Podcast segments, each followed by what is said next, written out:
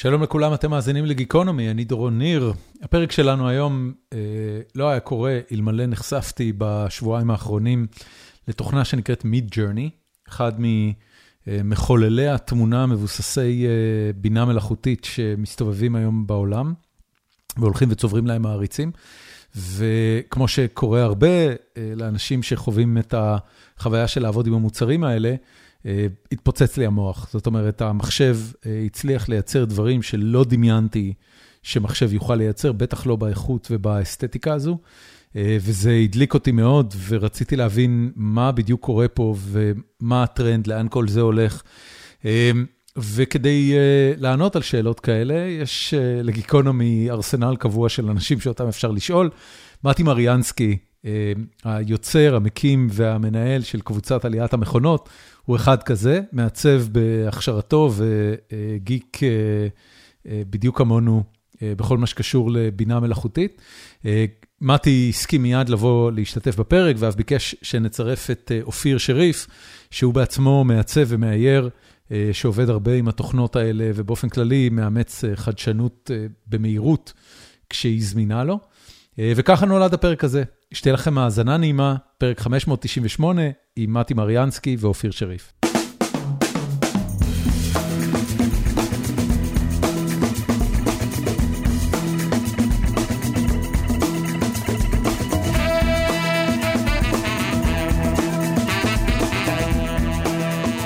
אה, אז אופיר, אה, אמרת קודם שכיבסת את האוזניות שלך?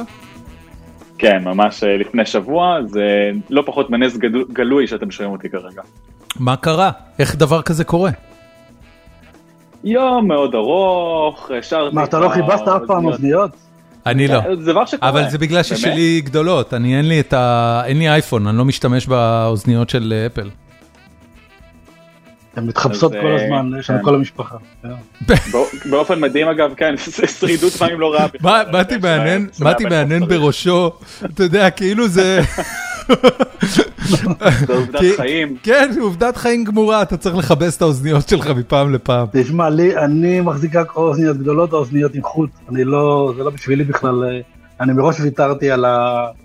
על הטכנולוגיה של אוזניות קטנות אלחוטיות, כי אני אשב עליהן, אעבד אותן. מה זה האוזניות שאתה משתמש בהן כרגע? זה בנגולפסון. אני מאוד אוהב, כן. בנגולפסון, אני תמיד אה, קיבלתי את התחושה שזה יותר עניין של עיצוב מאשר של איכות. האיכות כן, שלהם טובה?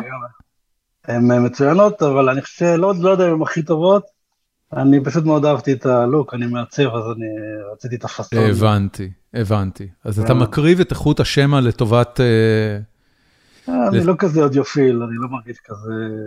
הן מוצלחות מאוד. הן קצת קטנות על האוזן, מי שרוצה לקנות, שיבדוק אותן בחנות לפני כן. יש לכם אוזן גדולה, זה מועך את הקצה של ה... יש חנות של אה, בנגן אולופסן בתל אביב? קניתי אותם באלנבי, כן. וואלה. לא חנות אוקיי. ספציפית של, אה, שלהם, אלא חנות של מוזיקה. טוב, חברים, אני, אה, אנחנו התכנסנו היום אה, כדי לדבר על, אה, על מיד ג'רני ודלי ודומיהם. אה, אני, אני כיניתי בהכנה לפרק הזה, אני כיניתי את זה מחוללי תמונה אה, מבוססי בינה מלאכותית, אבל אני תוהה אם יש שם לקטגוריה של, ה, של המוצרים האלה, של, של שירותי התוכנה האלה, שאני לא מכיר פשוט. מתי. השם החדש הוא uh, מהשבוע, אנשים מתחילים לקרוא לזה image, image synthesizers. image synthesizers. synthesizers. מסנתזי, כן. uh, מסנתזי תמונות. כן. יפה. כן. זה לא רע.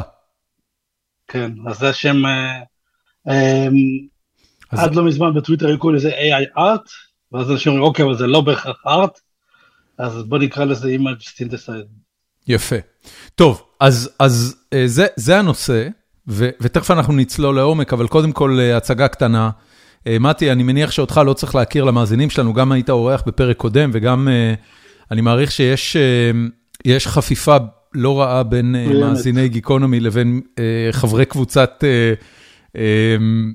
עליית המכונות, אבל אבל כשאני פניתי אליך לפני כמה ימים ושאלתי אם תרצה לבוא לעשות איתי פרק על זה, אז מיד אמרת בוא נצרף את אופיר. אמ, ואת אופיר לא הכרתי בכלל, אז קודם כל למה רצית לצרף אותו, ואז אופיר בבקשה תציג את עצמך.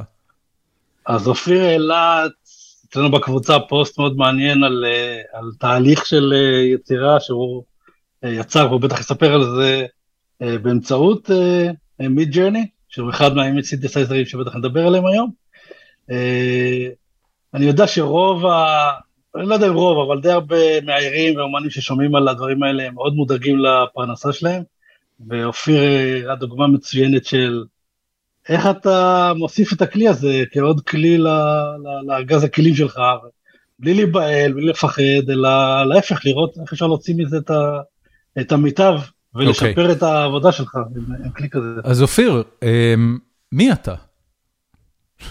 אה, אהלן, אני אופיר שריף, אה, אני, יש לי הרבה כובעים, אה, אני אתחיל מהכובע המאוד רשמי שלי, הכובע הרשמי שלי זה מנהל קריאיטיב והסמנכ"ל של חממת החדשנות של פארמאונט בארץ. פארמאונט, פארמאונט האולפנים? כן, פארמאונט אולפנים. לפני שנתיים פארמאונט אולפנים הקימו בארץ קרן הון סיכון ויחד איתה פתחו חממת חדשנות. What? בל, כן, הם בלעו פנימה לתוכה, זה ממש, זה בגדול די בשושו. איך זה קרה? אבל אנחנו כבר בנקודה שבה אפשר לדבר על זה.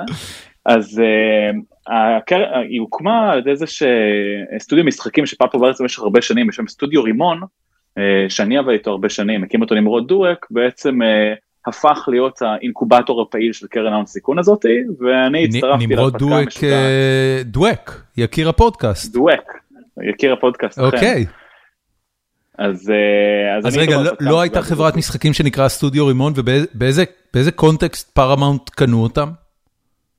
אמ, בגדול מי שיצר את הקרן יחד עם פארמאונט זה אודי מירון מענני תקשורת, שייסד את ענני תקשורת והיה ממייסדי תעשיית הכבלים בארץ, אה, והוא ונמרוד בעצם אה, hit it off אה, בתוך תהליך בעצם ההקמה והייעוץ על הקרן, ובאיזשהו שלב הקרן הבינה שחוץ מאשר רק לפרמאונט יש בעיה אמיתית של היעדר חדשנות בתוכה. הם corporate אמריקאי מאוד גדול ומסואב, הם מתמחים בייצור תוכן, יש להם קושי אמיתי בלהביא חדשנות לתוך השולחן בגלל מבנה ה corporate עצמו. אמ, והייתה הבנה שהקרן צריכה להיות לא רק פסיבית, אלא גם אקטיבית בתהליך הייצור שלה. אה, וכאן מה, בעצם... מה, מה אה, למשל, אה, אתה יודע, מגיעות ההוראות מ corporate America, תביאו לנו X, איזה X ים מעניינים היום את פארמאונט בישראל? אז בגדול יש כמה ורטיקלים שהם חוקרים, חלק מהם אגב מאוד רלוונטיים לשיחה שלנו כאן, מאוד מעניין אותם בגדול העתיד של צריכת תוכן, כן, חוויות ופורמטים של מסך שני, חוויות אינטראקטיביות שלא קשורות בהכרח לדברים שהם כבר עובדים עליהם כרגע, וכל מה שקשור לייעול תהליכי הפקה, uh, שזה באמת אני חושב האופן, ייעול תהליכי הפקת שבה... התוכן. בדיוק, כן, שזה אחת הנקודות מאוד. שאנחנו מאוד מאוד מאוד חמים עליה, ואחת הסיבות שבגללה גם uh, נמרוד המנכ"ל וגם אני חפורים עמוק בכל הנושא של image synthesizer בין היתר באופן כללי, כלי machine learning שקשורים לעולמות הקריאייטיב. אמרת נמרוד המנכ"ל, נמרוד מה? נמרוד דואק, דואק. אה, הוא עדיין המנכ"ל? כן, כן, הוא עדיין המנכ"ל. אה, אוקיי, אני, הוא לא, לא היה לו חברת marketing, Dice Marketing משהו? נכון, הסטודיו בעצם היה אה, חלק מתוך Dice Marketing, הוא פשוט הבין באיזשהו שלב שיכול לעשות branching out לעולמות של interactive ודברים טיפה יותר מורחבים מזה. איזה מלך. דייס עדיין פעילה כן, כחטיבת שירותים. אה, טוב, תמסור לו הרבה דש, אבל, אבל אני, אני אשאל את השאלה הזאת. אה, אה, אתה בתוך הדבר הזה, אתה יודע, אמרת חממה, חממה ב context, כאילו ב context המיידי, זה משהו שמגדל סטארט-אפים. נכון. יש סטארט-אפים שכבר יצאו מהחממה הזאת ואנחנו מכירים אותם בחוץ? אז אנחנו ממש עכשיו נמצאים בהליכי השקה של המוצר הראשון שלנו, שזה Nick Academy, הוא פלטפורמת edutainment אה, לגילאי 6 עד 12, אה, בגדול אגמנו כמה חברות edutainment ומשחקי edutainment שונים מתחת לפלטפורמה אחת, ו branded את עם ה-IP אה, של The Loud House, הרעשנים, סדרה של ניקלודיאון, ואנחנו עכשיו נמצאים בשלבי פיילוט פה בארץ כדי לבדוק את הדבר הזה. ניקלודיאון היא בבעלות פארמאונט? זאת אומרת זה, כן. הבנתי, זאת אומרת יש לכם גישה לדמויות כן. ולמוצרים של... כן, יש לנו גישה לכל הסרטים של פארמאונט, זה מורכב, כן, עם corporate, כל אישור זה כאילו חודשים, ודבר עם הזה, ודבר עם הזה, ומחלקת ה legal.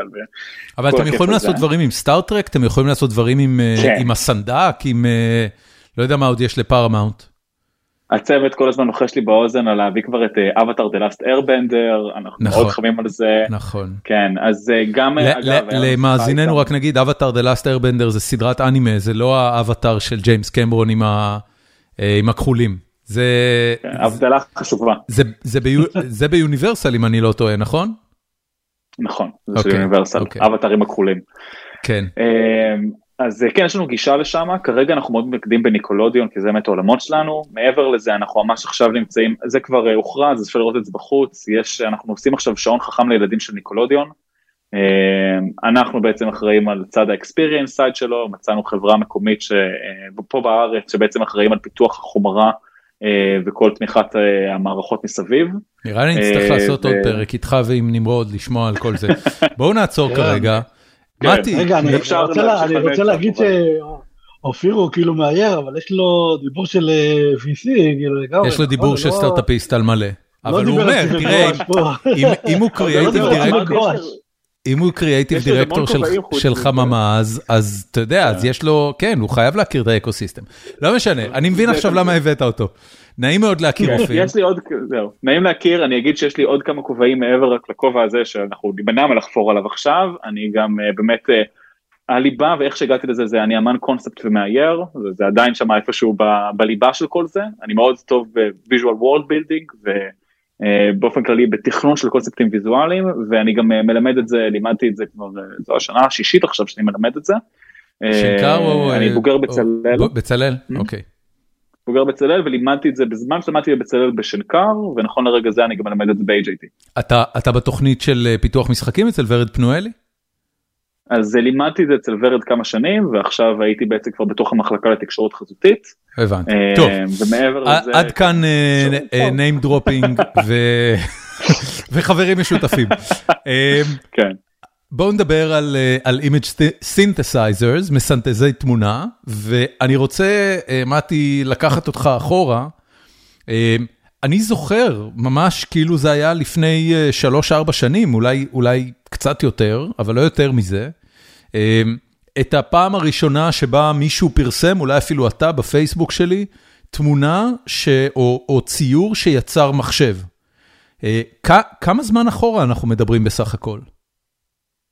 לא, מה זה ציור שעשה מחשב? אנחנו מדברים אה, על אה, ורה מולנר, אנחנו מדברים על כמעט מהימים שמחשבים יכולים להדפיס. או- לא, לא, לא, לא, לא, רגע, להציג אני, אני. מד- אני מדבר על משהו שבינה מלאכותית ממוחשבת יצרה אותו, והוא לא, לא קיים בשום צורה, זאת אומרת, אני לא מדבר על תמונה ממוחשבת.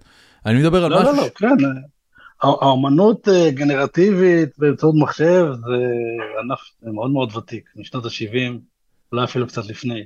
אוקיי, שמה זה כבר בעצם כלל אה, אז? סתם רנדומייזרים אה, של פיקסלים בצבעים? בוא, בוא נגיד שלפני שהייתה בינה מלאכותית, אז זה היה, אפשר לקרוא לזה rule based.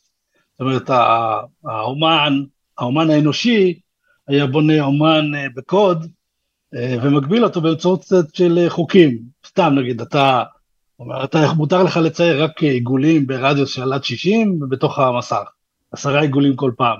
ואז הוא מפזר את העיגולים נגיד בזה, והנה יש לך מאוד מאוד פשוטה, כן, אבל, אבל אתה אומר זה לא. בינה מלאכותית.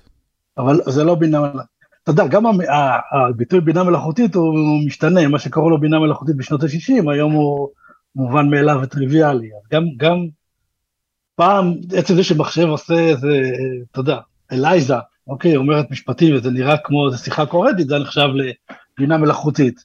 אה, אבל היום אתה לא, לא תקרא לזה בינה מלאכותית, אז, אה, אז גם ה... אתה אומר אה, ההגדרה שלנו לבינה מלאכותית הולכת הזה, הרף ומחמירה? הזה הוא כן, הוא נייד, הוא כל הזמן עולה.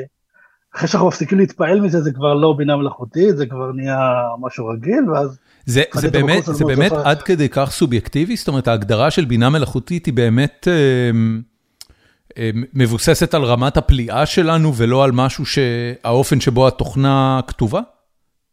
יש פתגם כזה ש... Machine Learning זה בפייתון ובינה מלאכותית זה בפאורפוינט. זה, זה, זה, זה, זה מושג, מושג שיווקי אה, כזה. אני מניח שאתה יכול למצוא איזושהי הגדרה פורמלית, לא, לא חיפשתי לבינה מלאכותית, אבל אה, כן, דברים שהיו נראים בינינו כפלא לפני עשר שנים, היום הם אה, טריוויאליים. ולכן. אנחנו כבר לא מכנים אותם בינה מלאכותית? כן, אה, כן, זה מחשבים. הבנתי, אוקיי.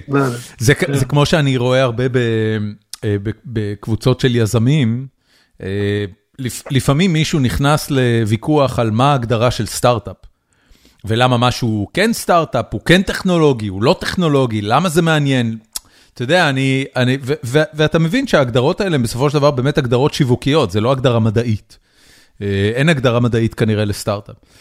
בסדר, מתי אה, אתה זוכר אה, את, ה, את, ה, את, ה, את התוכנה הראשונה שלא היית מגדיר אותה אומנות גנרטיבית, או מחולל אומנות גנרטיבי? שבעצם מבוסס על פרמטרים של אה, אמן אנושי, כמו שתיארת כרגע, אלא משהו שבאמת מוגדר כבינה מלאכותית.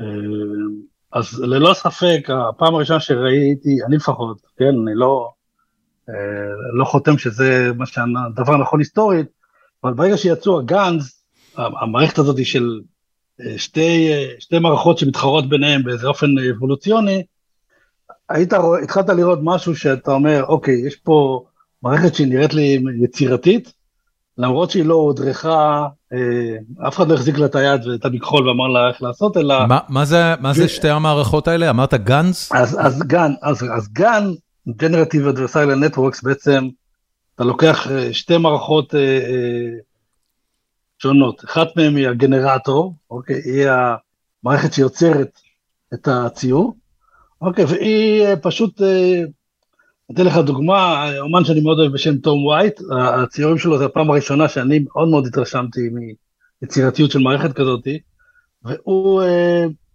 מצד אחד שם את הגנרטור, שזה פשוט מערכת שמציירת נגיד עשרה, עשרה קווים ושלושה כתמים על הדף, באופן אקראי לחלוטין. אוקיי. Okay. Okay?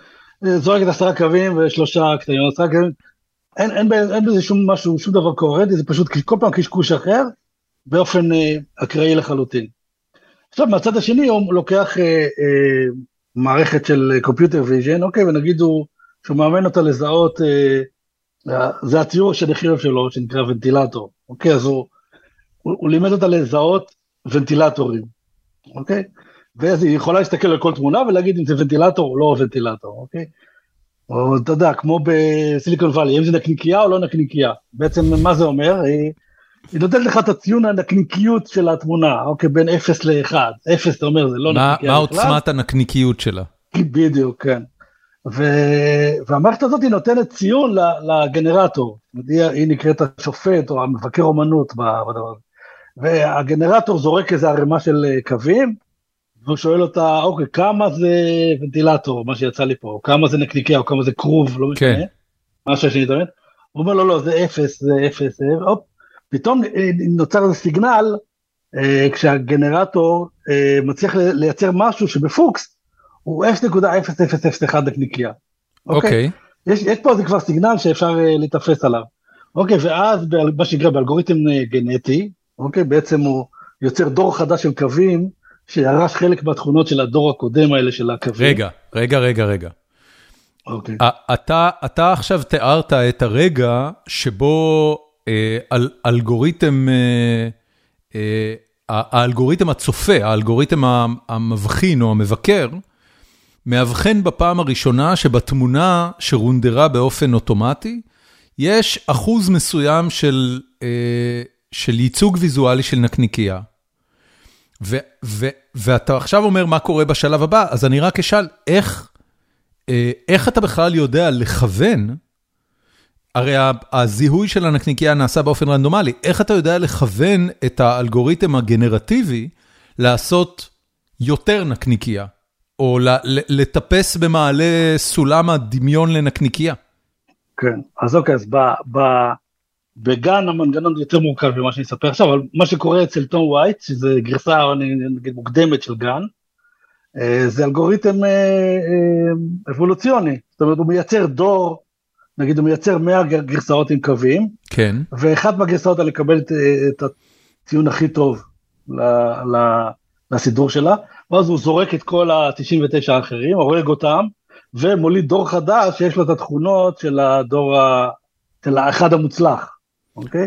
ואז יש לו 100 יותר מוצלחים, ואז עוד פעם הוא זורק מהם 99. אתה אומר יותר מוצלחים, מה הוא עושה? הוא פשוט לוקח את, את, את אותו מבנה של קווים, ומתחיל לעשות שינויים ביחס לזה כבסיס, מזיז קווים, מוסיף, כן, מוריד, בעצם אבל... מה זה, כן, אתה יכול להסתכל על ה... אם אתה רוצה להיכנס להגדרה מתמטית, זה, יש לך 100 קווים, אז זה וקטור של 100 קורדינטות, אוקיי? 100...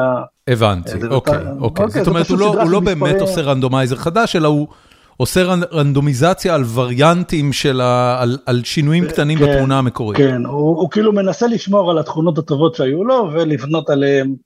אה, אתה אומר מנסה לשמור, הוא בעצם לא מנסה לשמור כלום, הוא רק משתמש אה, באותו סט קואורדינטות של איפה כל פיקסל היה, כבסיס, ועושה את השינויים כן, עליו. הסט הקורדינטות יש לו, אני לא יודע להגיד לך איך זה עובד, אבל זה פשוט עובד, כי הסט, הסט קורדינטות הבא הוא יותר מוצלח בדרך כלל מהסט קורדינטות הקודם. אוקיי, וכמה דורות כאלה צריך כדי להגיע לנקניקייה? לא יודע, מאות אלפים יכול, יכול להיות. מאות אלפים. אבל תלוי כמה טוב האלגוריתם שלך, לפעמים יש אלגוריתמים שמתכנסים יותר מהר ויש כאלה שמתכנסים פחות מהר. הגרסה הבאה של הדבר הזה, אוקיי, וזה מה שנקרא גן, אוקיי, עכשיו- בחור עכשיו- בשם... עכשיו אה, רגע, רק- רק עוד שאלה אחת. האלגוריתם המבקר, אוקיי?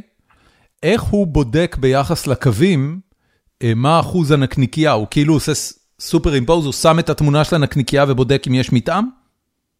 אז אוקיי, באלגוריתם הזה יש לך פשוט, אה, במקרה שלנו, של תום וייט, יש לך פשוט אה, אלגוריתם זיהוי תמונה רגיל, כמו שיש היום, אתה יודע, בכל מצלמה שמזהה פנים ברחוב, אתה יכול לאמן אה, רשת נוירונים לזהות נקניקיות, אז זה זה שאתה הראת לה עשרת אלפים תמונות של נקניקיות ועשרת אלפים תמונות של לא נקניקיות, והיא לומדת לזהות את דרגת הנקניקיות של כל תמונה כזאת, ולתת לה ציון, אוקיי? אוקיי, אה, עכשיו יש פה בעיה כי הציורים שהדבר הזה מצייר לא דומים לתמונות של מצלמה של נקניקייה. אז נדרשת בכל זאת איזושהי רמה של הפשטה באלגוריתם הזה כדי לזהות אה, משהו שהוא ציור של נקניקייה ולאו דווקא נקניקייה ממש, אבל כנראה שהוא כן מצליח לזהות את הדפוס של איזושהי קשת כזאת, הגלגלה עם עובי מסוים. עם ה- או- עם או ה- עם. הטקסטורה של הנקניקייה והגוון כן. שלה? אוקיי, כן, או משהו כזה. בסדר. עכשיו, הגן עובד טיפה, על אותו רעיון, אבל טיפה, טיפה שונה. אוקיי? בגן שוב פעם יש לנו את השופט ויש לנו את, ה, אה, את הגנרטור, יש לנו את האומן, אוקיי? אבל שניהם מתחילים מזה שהם לא מבינים שום דבר בדומיין שלהם, אוקיי? הוא לא יודע לצייר נקניקיות, והוא לא יודע מה זה אה, נקניקייה בכלל. אוקיי? שניהם לא, לא מבינים כלום. פשוט אה, מתחרים ביניהם. עכשיו, תוך כדי שה... אה, אחד מהם אה, משתפר, אנחנו, בוא נגיד, באים מהצד ומרמים, בזה שאנחנו נותנים לשופט תמונות של נקניקיות. בעצם אני אומר לו, אתה, המטרה שלך זה להבדיל האם התמונה שלפניך היא תמונה אמיתית אה, של נקניקייה, או שזה לא תמונה של נקניקייה, אוקיי? אז אני מראה לו תמונות של נקניקיות, הוא אומר לו, זה בוודאות נקניקייה, והגנרטור מראה לו תמונות, והוא מנסה להגיד, אוקיי, האם זה נקניקייה או לא. למה- שניהם- למה זה שונה? זה שונה כי הם שניהם, ב- ב- בחלק של תום וייט, אתה בא כבר עם אה, שופט שכבר מאומן מאוד בלדעת אוקיי. את ה... ופה הם שניהם לומדים, שניהם לומדים ביחד. אומרת, אוקיי. הוא לומד לזהות אוקיי. האם אה, התמונה שלפניו היא מתוך, ה, מתוך ההתפלגות הזאת של תמונות שהן פנים או נקניקיות או כל דבר שאתה רוצה שהוא ייצר, או, או תמונות נוף או לא יודע מה. אוקיי, והם שניהם לומדים ביחד, שניהם אה, משתפרים ביחד, אה, הזוג הזה, אבל העיקרון אותו עיקרון, יש פה איזה לחץ אבולוציוני, אוקיי, שגורם להם להשתפר, אוקיי, גורם להם לזרוק את הגרסה הפחות טובה שלהם ו- ו- ולהשתפר. אוקיי. כשב... אה, פאוזה קטנה, אה, אה, אותו תום וייט שאתה מציין, מי הוא? הוא חוקר? תום וייט הוא, הוא פרופסור בניו זילנד, כן, אבל הוא אוקיי. גם... אה, ומת- ומתי גם- הוא שחרר את המערכת הזאת בפעם הראשונה? את המערכת הזו הוא לא שחרר בכלל, הוא פשוט שחרר את הציורים האלה, הרבה, אני לא זוכר, לפני כמה שנים, אבל אה, זה לא, זה לא, זה- זה- זה אפילו לא עשור, נכון? לא, לא עשור לדעתי. אוקיי, עזבו מתי. יצא? גם, כמה שנים. שש, שבע שנים אולי, אני לא יודע, אפשר אוקיי. בוא נבדוק את זה רגע. אז, אז אתה אומר לי בעצם 6-7 שנים זה פחות או יותר הפעם הראשונה שמישהו שחרר אה, אה, מודל ש, היינו ב-2014 אני רואה, קצת יותר. ש, שיודע 2014. לייצר תמונות ודרך התהליך ה- הביקורתי הזה, אה, לייצר מספיק וריאנטים שמגיעים לנקודה שבה אתה אומר אוקיי זה, זה מצד אחד תמונה רנדומלית לגמרי שרונדרה על ידי מחשב, ומצד שני, התהליך האיטרטיבי של הביקורת שהאלגוריתם המבקר העביר, הביא אותנו למקום שבו זה נראה דומה בעין שלנו לאובייקט, לנקניקייה או למה שזה לא יהיה. כן, אבל, אבל לא סתם דומה, זאת אומרת, אני, בהרצאות שלי אני אוהב לעשות תרגיל כזה, אני מראה שש, שישה פנים, שש פנים, שישה, של אנשים, ואני אומר לקהל, רק איש אחד או אישה מהתמונות האלה הוא אמיתי. תגלו מי האמיתי ומי הוא יציר מחשב. אוקיי. קהל של 200 איש יכול להיכשל במשימה הזאת, אולי כאילו שניים שלושה ינחשו מי... זאת אומרת אפילו חוכמת ההמונים לא עוזרת פה אתה אומר. זאת אומרת גם האבולוציה שלנו של העשרת אלפים שנים בזיהוי פנים, אה, הגנרטור הזה שמייצר פנים מגיע לרמה שהוא מצליח לעבוד גם על השופט שנמצא מולו בגן, אבל גם על שופט שהוא אנושי, שלא מצליח יותר לזהות אה, אה, פנים מזויפות. Okay. זה אוקיי. פשוט נראה כמו בני אדם שיש להם אימא ואבא ושהם אתה יודע, שיש להם ביוגרפיה שלמה, שעבר עליהם משהו. אי אפשר כבר, אי אפשר כבר לזה. אז אתה אומר, לקח בסך הכל 6-7 שנים לטכנולוגיה להשתפר לרמה, אני לא זוכר, דלי יצא לדעתי פעם ראשונה, אני נחשפתי אליו לפני אולי שנה, מקסימום. כן, זה משהו כזה. זה משהו כזה, נכון? כן. אז אנחנו בסך הכל שנה אה, ובוא נגיד פער של חמש שנים בין המודל הראשון ששוחרר, שהראה יכולת אה, לעשות אה, סינטוז של תמונה, לנקודה שבה התמונות הן פשוט, אתה לא יודע להבחין, התמונות שמרונדרות ככה על ידי מחשב, אתה לא יודע להבחין אם הן אמיתיות או לא. מה, מה דלי עשה בעצם שונה? למה הוא קפיצת מדרגה כל כך דרמטית? אמ, אה, דלי שילב, אה, דלי, זאת אומרת, המערכות האלה של הגן, אתה אימנת אותם על דומיין מאוד ספציפי. זאת אומרת, אם אתה מראה לו מיליון פרצופים שהורדת מפליקר, אז הוא יודע, יודע לעשות פרצופים מאוד מאוד טוב. אבל אתה יכול להראות לו חיפושיות, אז הוא יעשה חיפושיות מאוד טוב. אבל נגיד אם תראה לו נופים, שזה איזשהו דומיין שהוא מאוד מפוזר, אוקיי? יש נופים שהם אה, קרחים, ויש עם שלג, ויש עם עצים, הם לא מספיק דומים, ואתה לא, לא תראה גן שיודע לעשות uh, תמונה יפה של נוף, שאין בה, שאתה מיד תזהה בה איזה ארטיפקטים, אתה תראה שיש שם משהו לא בסדר, בעין לא מיומנת, אתה תראה שיש שם בעיה. אוקיי, ו... אה, זאת אומרת, היית צריך לאמן אותו עם המון המון תמונות על דומיין יחסית ספציפי, כמו נגיד פנים, שסך הכל, אתה יש בהם שתי עיניים, ואף, יש בהם איזה משהו אה, ש, שאפשר אה, להכניס את כולם לאותה קבוצה, אוקיי? המודלים שהם כמו דלי, אה, קודם כל משתמשים אה, אה, בנועי השפה החזקים שיצרו לאחרונה, אוקיי? אז לפני שיצא דלי, יצא לנו GPT-2 ו-GPT-3. בוא נעשה רק למאזיננו שלא יודעים מה זה GPT-2 ומה זה GPT-3. אוקיי, אז, אז GPT 1, 2 ו-3, אני לא יודע מה היה 1, יכול להיות שקפצו ישר ל-2, אני לא זוכר. מנועי שפה, אוקיי, שבוא נגיד המשימה העיקרית שהם יודעים לפתור זה בהינתן שאתה תיתן להם איזשהו משפט, הם יודעים לנחש מה, מה מילה יפה ונכונה תהיה כדי להמשיך את המשפט הזה. עכשיו זה נשמע כמו, אוקיי, מילה, יופי, אתה יודע להוסיף מילה למשפט, כל הכבוד, אבל בעצם הוא יכול להמשיך ולהמשיך לעשות את זה ולכתוב סיפור שלם, או אה, לפתור בעיה, או לענות על שאלות, או לכתוב דיאלוגים, או לעשות... אה, אה, אני יכול לספר שבחברה האחרונה שעבדתי בה, אה, הייתה לנו אה, אה, מישהי שכתבה את הבלוגים, יש את הבלוגים האלה שאתה כותב לחברה שהם כזה, כן, אה, פיסס כאלה, שהם, אה, אה, מישהו כותב אותם, ואנחנו אה, אה, פשוט נתנו ל-GPT שלו, למנוע שפה כזה, אה, כמה בולטים, כאילו לכתוב את הזה, והוא כת... התחיל לכתוב את ה-opinion piece הזה ברמה לא פחות טובה. בעצם הפסקנו להשתמש בכותב האנושי בשביל לכתוב את, ה, את, ה, את הפוסטים האלה. אה, ממש ככה, במחשב היה יכול לכתוב את הפוסט לפי רשימה של ארבע. זה ברמה שנתת פשוט, אה, נתת בולטים?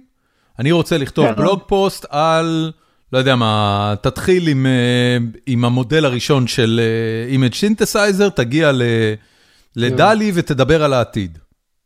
כן, אתה תכתוב נגיד כאילו... הבינה המלאכותית משנה את חיינו, נכון? זה תמיד נתחיל בזה.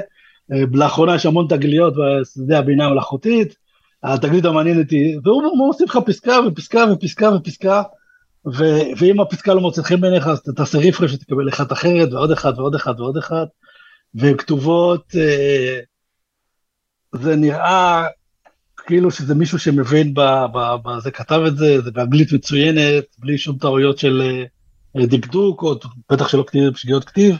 אוקיי, אז... פשוט אז, כותב נהדר. אז הדבר הזה, אותם מחוללים GPT2 ו-GPT3, שבעיקרון אפשר להיכנ... לצלול ולנסות להבין איך הם עושים את זה, אבל בואו נניח את זה בצד, בואו נצא מתוך הנחה שזה, שהם עובדה מוגמרת.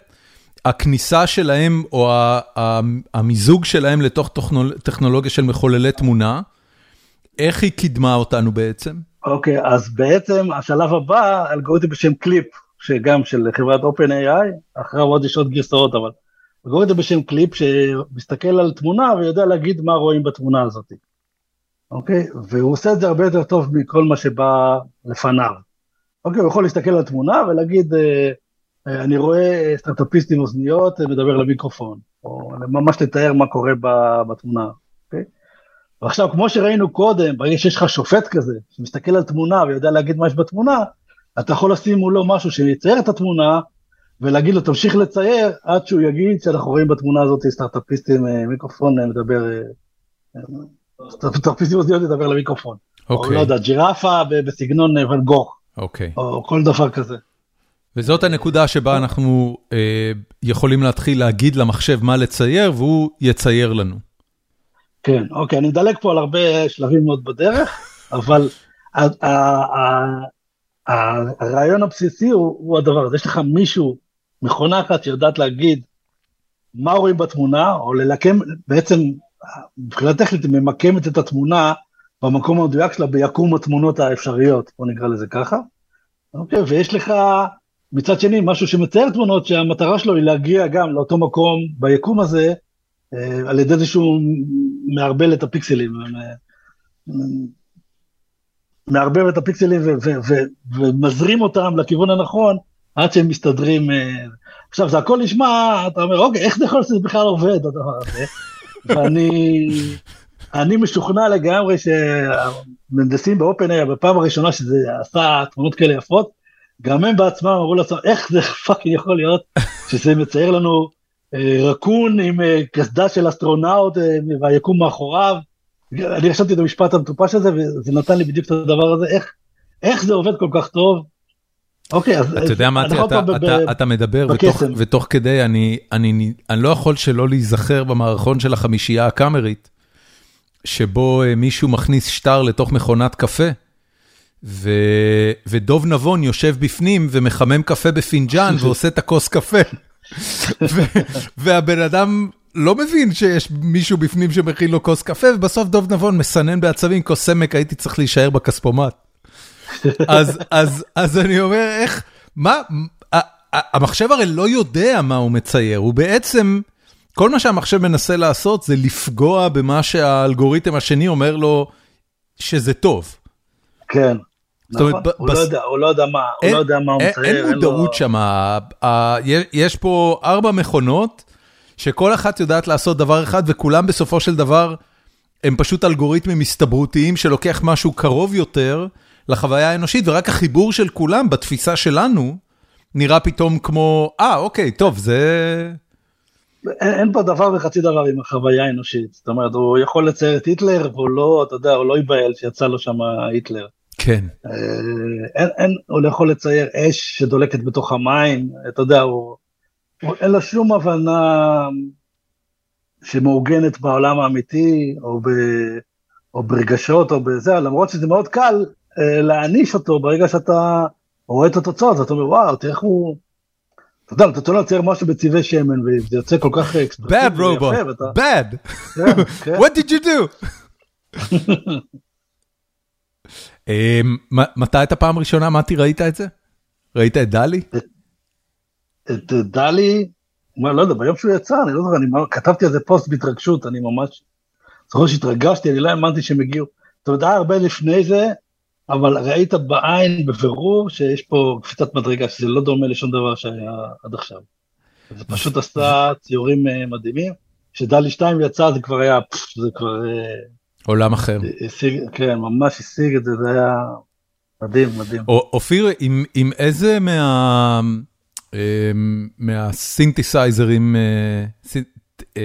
synthesizer תמונות השתמשת עד עכשיו? אז uh, האמת היא שהשתמשתי עכשיו ב-Midjourney והתחלתי גם לאחרונה להשתמש ב-Stable Diffusion uh, שהוא הסחורה החמה החדשה בשוק uh, שממש יצאה לפני uh, כמה שבועות. לדלי עוד לא קיבלת גישה.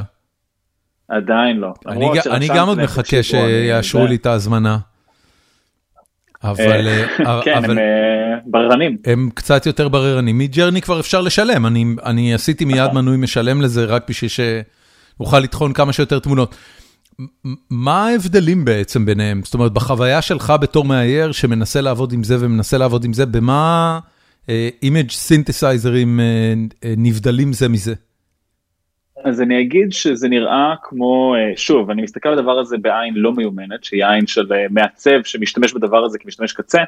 אה, אני אגיד שזה שני דברים, אחד בבירור הדאטה סט, כן, מאג, מאגר הידע שהאלגוריתם הזה אומן עליו הוא שונה.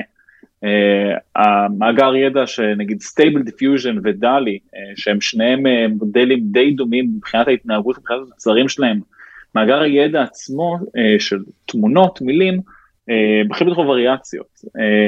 Stable Diffusion נורא מתגאים בזה שמאגר הידע שלהם הוא ללא צנזורה.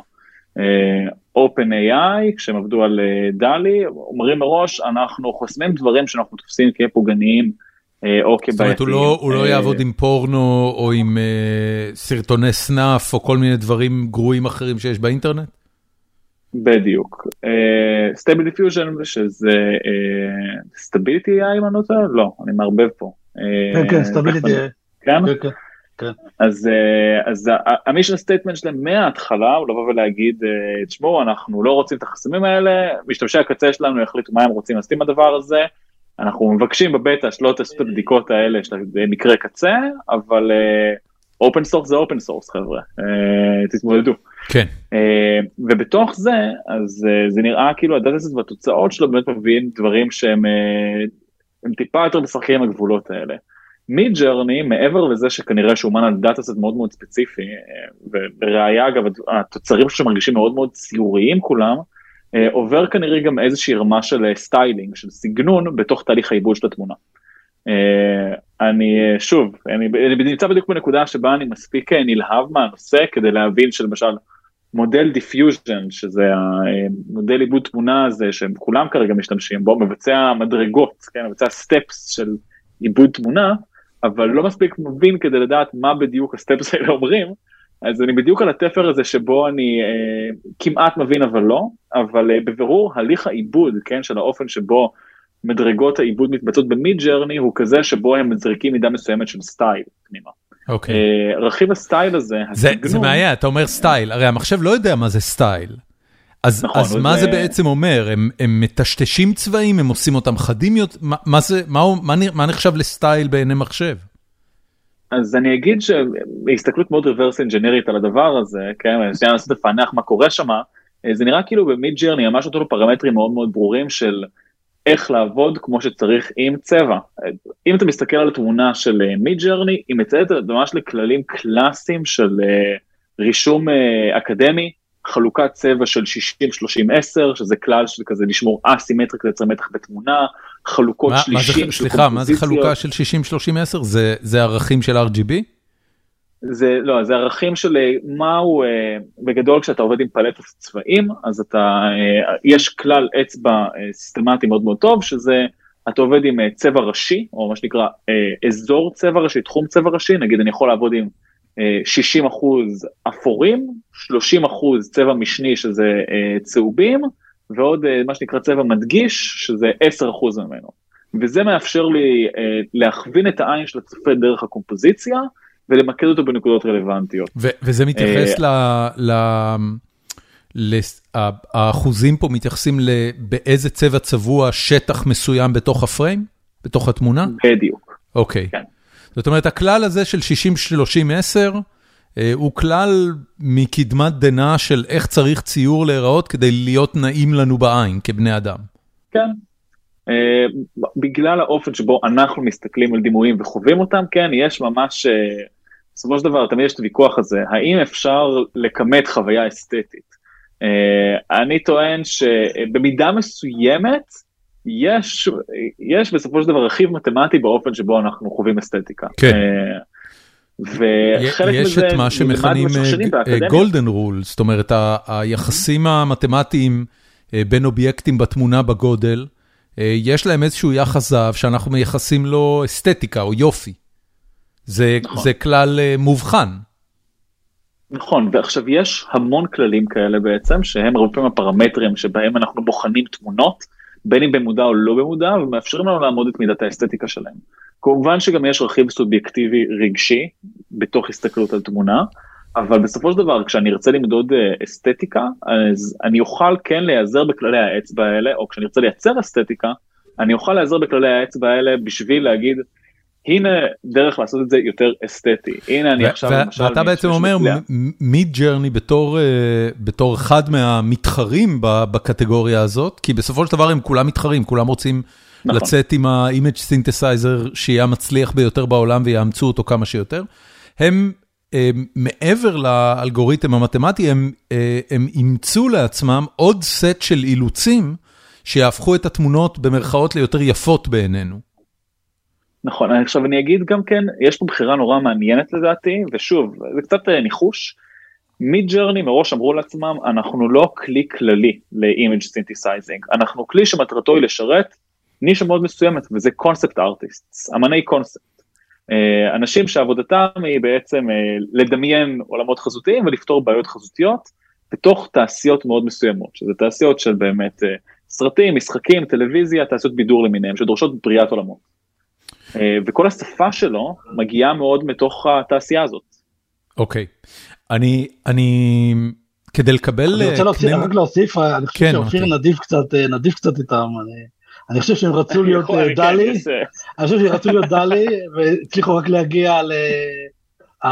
התמונות שלו מאוד, יש בהם איזה מרכיב סיוטי כזה תמיד ב-Midjourney, לעומת הלוק המאוד נקי ו-PG 13 של DALL-E, אז אה, באמת, אה, ב-Midjourney תמיד יש איזה שד כזה בתמונה, זה משהו שיצא מהגיהנום.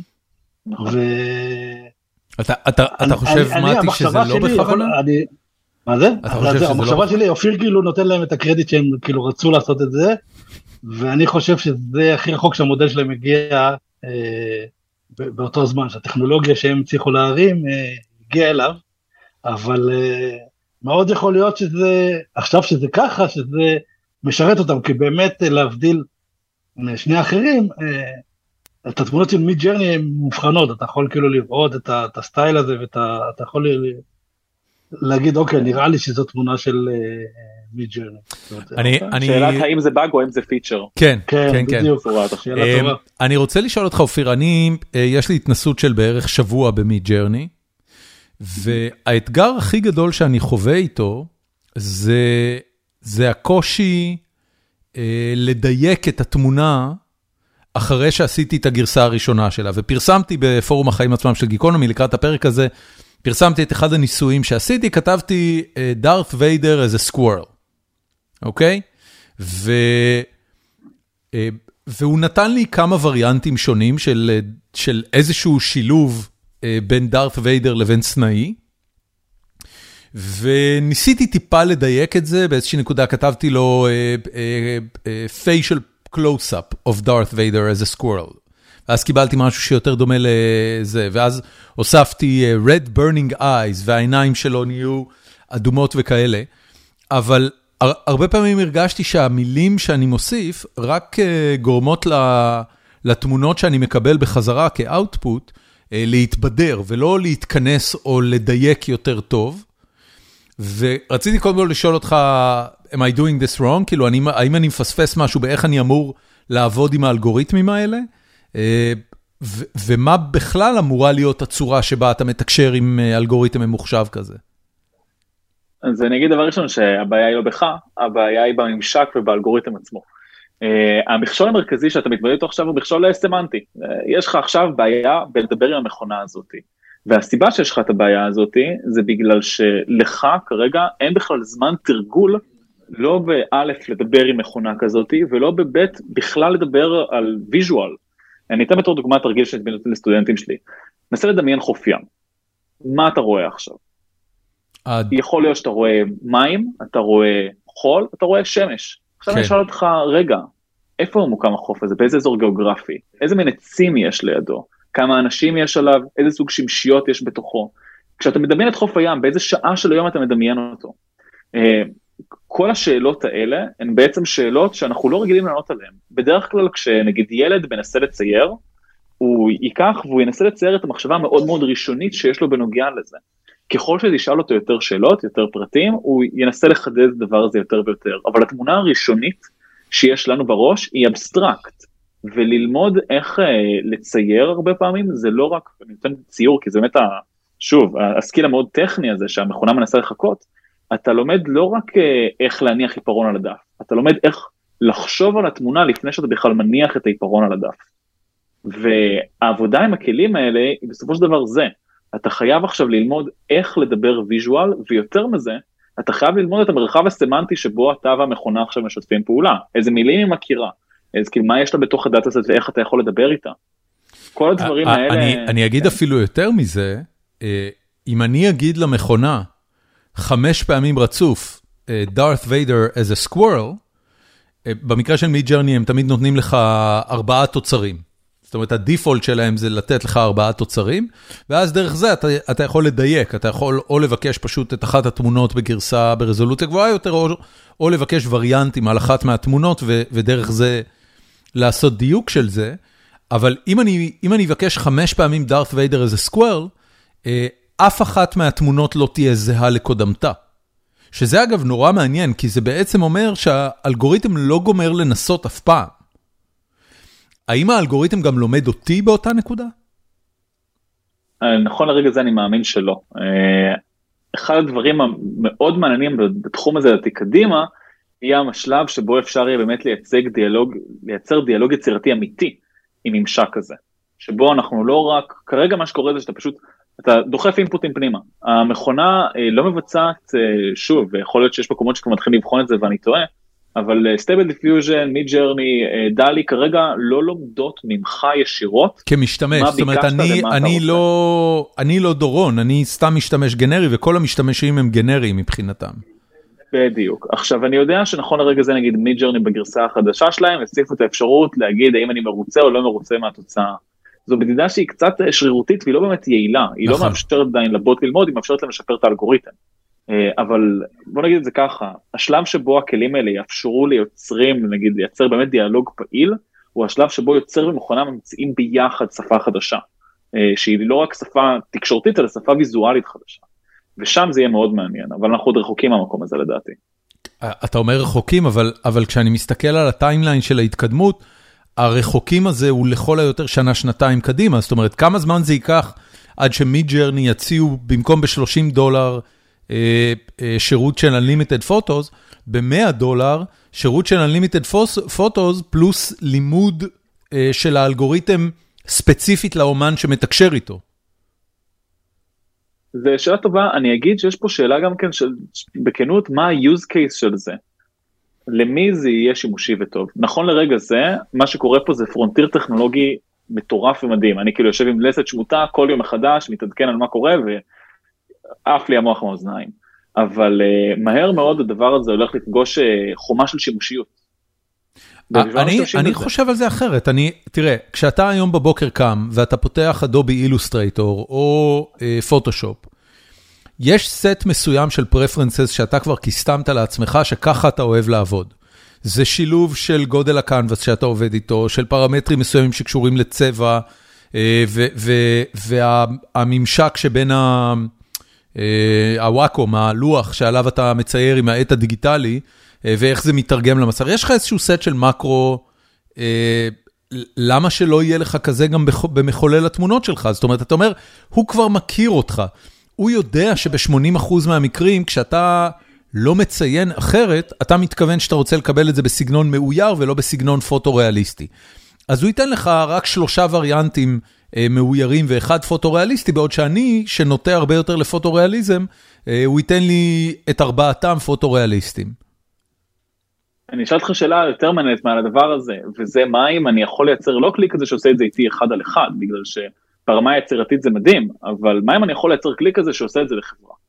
מה אם אני יכול עכשיו לייצר את uh, הבוט של גיקונומי, שמתמחה בלדבר איתך סביב, ועם כל מי שיעבוד איתך בפודקאסט אי פעם, לגמרי. על לייצר visual כן. בתוך נרטיב. יותר. מזה, ל- ללמד, ללמד את, ה- את המערכת, אה, מהו סגנון האיור של דיסני? הרי לדיסני יש סגנון מאוד מאוד מובחן, מלמדים אותו בבתי ספר לעיצוב, יש אה, אה, פרופורציות מסוימות בפנים של הדמות, בין העיניים לבין האף וכולי וכולי.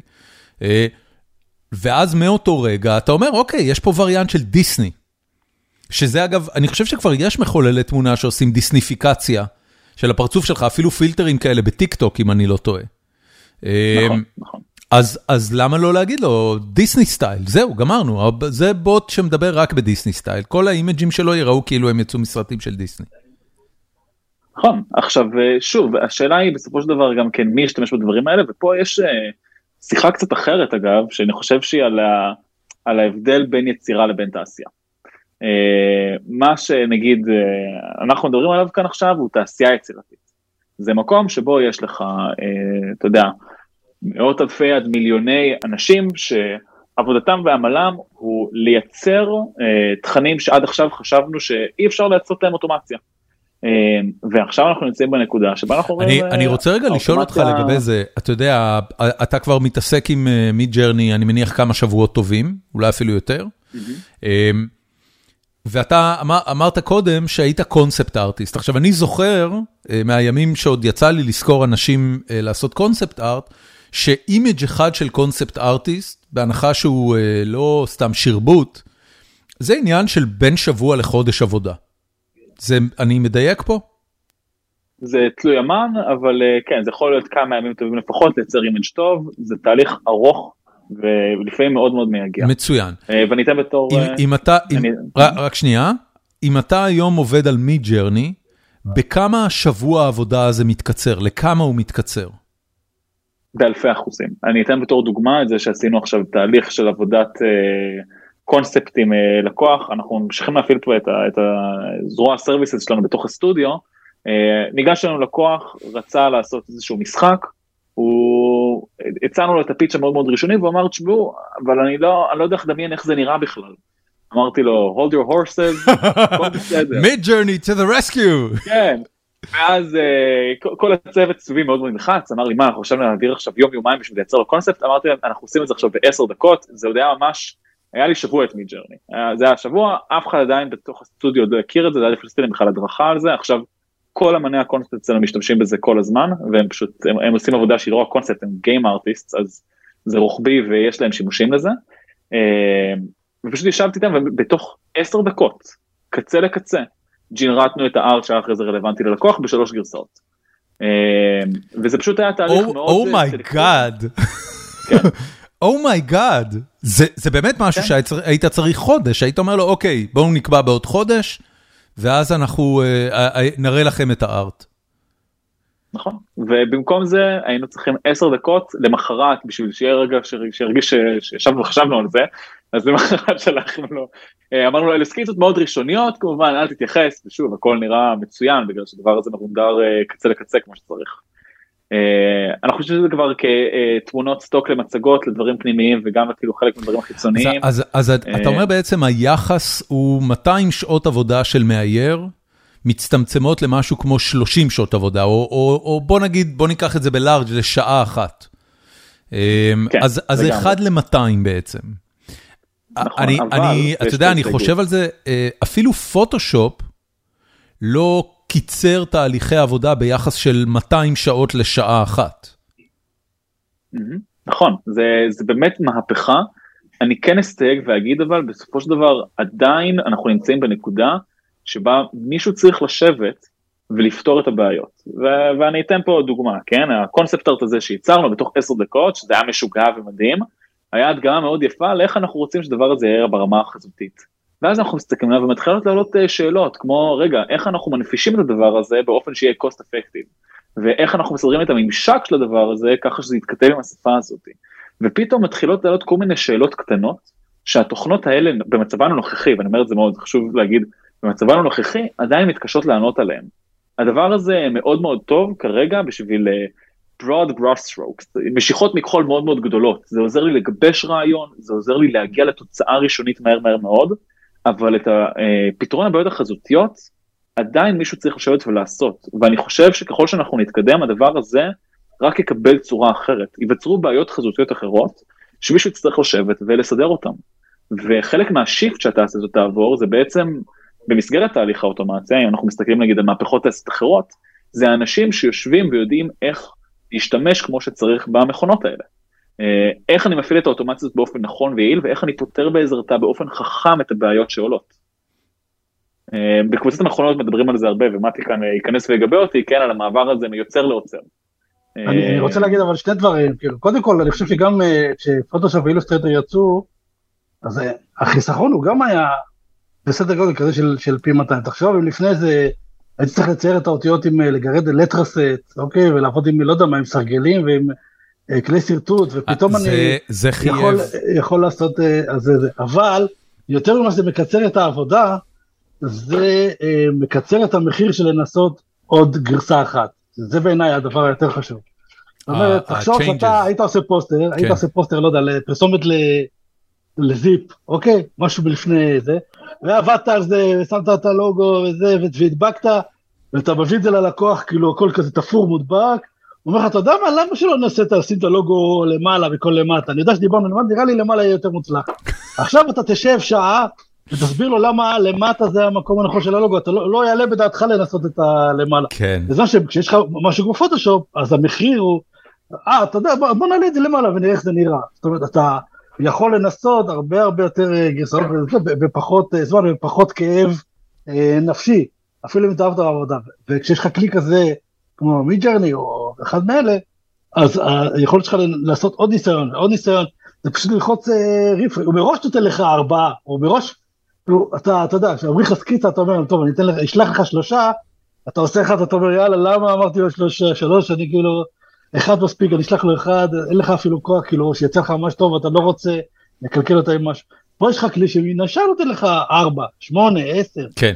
אה, כמה שאתה רוצה, ואז ה, ה, המרחב שאתה יכול, אה, אתה יודע, to explore, הוא מראש גדל לך כבן אדם, כאדם יצירתי שמנסה למצוא את הפתרון היצירתי לבעיה שלך. אופיר, תגיד לי, כש... כש... לאורך השבועות הספורים שבהם יצא לך לעבוד עם אה, עם מחוללי תמונה כאלה, אה, מהי בעצם עקומת ההשתפרות שלך? מה אתה מרגיש שאתה יודע היום לעשות יותר טוב או לקבל תוצרים יותר מדויקים, יותר בהתאם לחזון שלך ממה שידעת בהתחלה? אז אני אגיד שבגלל שאני משחק כרגע עם שני כלים במקביל, שזה גם Midjourney וגם Stable Diffusion, דבר ראשון למדתי א', לדבר באופן מאוד ראשוני עם כל אחד מהם. אה, למדתי גם איך להשתמש ב Discord שזה פשוט אה, לא יאמן שם אגב מי שלא יודע מהמאזינים אה, שני הדברים האלה כרגע רצים דרך שרתים שיושבים על Discord שזה בגדול תוכנת צ'אט קבוצתית ושיחות היא מאוד מאוד עקומה. הם עברו לאתר היום Stable Diffusion. כן כן בדיוק ראיתי שחסמו אותי הבוקר. כן.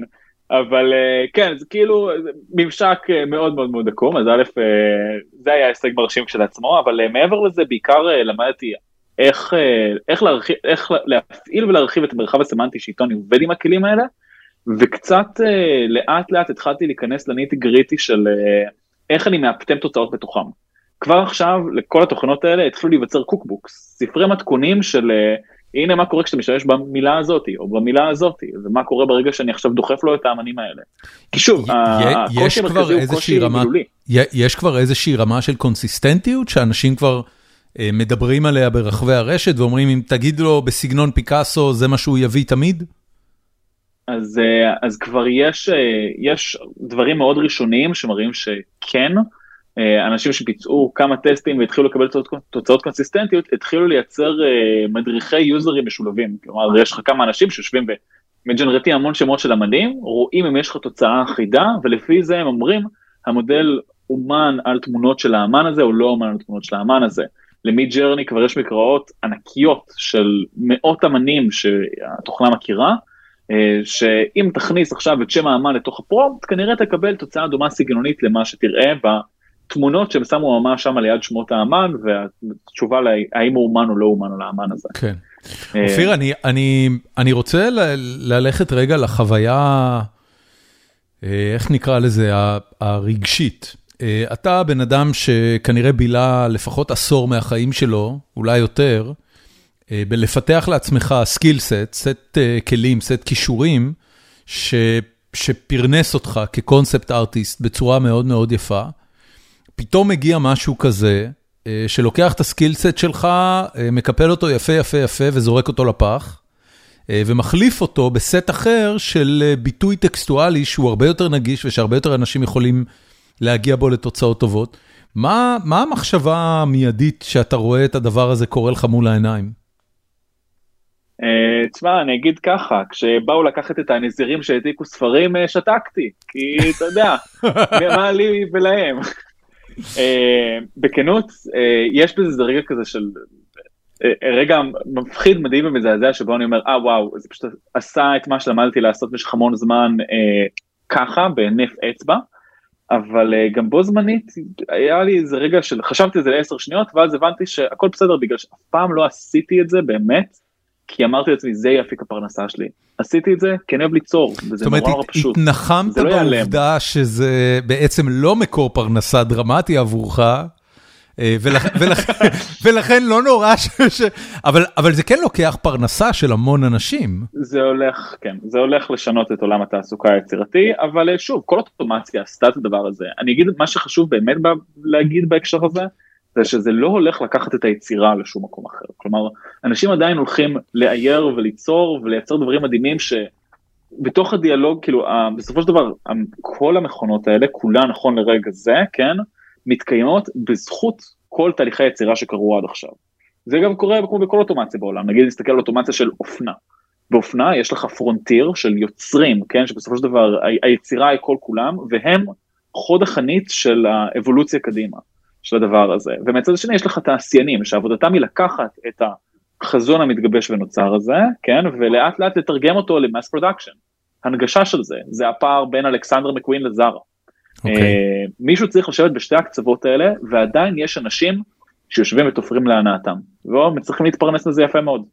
אה, אני, אני, אני, אני מקבל את הנחמה הזאת, והנחמה הזאת היא בעצם הנחמה שאומרת, uh, לאנשים מוכשרים תמיד יש מקום, זו קלישאה שנזרקת ב, בכל מיני סיטואציות כאלה, אבל, אבל המציאות היא, תראה, אני לא, אני לא יודע כמה מלכתחילה אה, אנשים שהם קונספט ארטיסט, אה, אה, אומנים למחייתם, אני לא יודע כמה עוד נשארו כאלה בעולם, אבל אתה יודע, הדבר הזה בוודאי יש לו משמעות ברמה שבית ספר כמו בצלאל או בית ספר כמו שנקר, אתה יודע, יש שאלה אמיתית, חמש שנים קדימה, יש עוד מחלקת איור שם? היא מעניינת מישהו? היא רלוונטית למשהו? תשמע, יש, אה, מדעי הרוח מתקיימים כבר אה, אלפי שנים, אתה יודע, זה כמו שנשאל, מה היישום של פילוסופיה? אין יישום לפילוסופיה, ואנשים כן, שהולכים ללמוד פילוסופיה הם לעג ו... הם חוטפים לעג וזלזול שלא שונה בהרבה מ...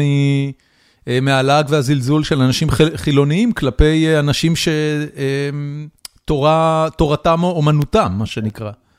זה, כן, זה... גם בתוך, אה, כן. גם בתוך בצלאל מרימים גבה על מחלקה ל, אתה יודע, צורפות ואופנה, או...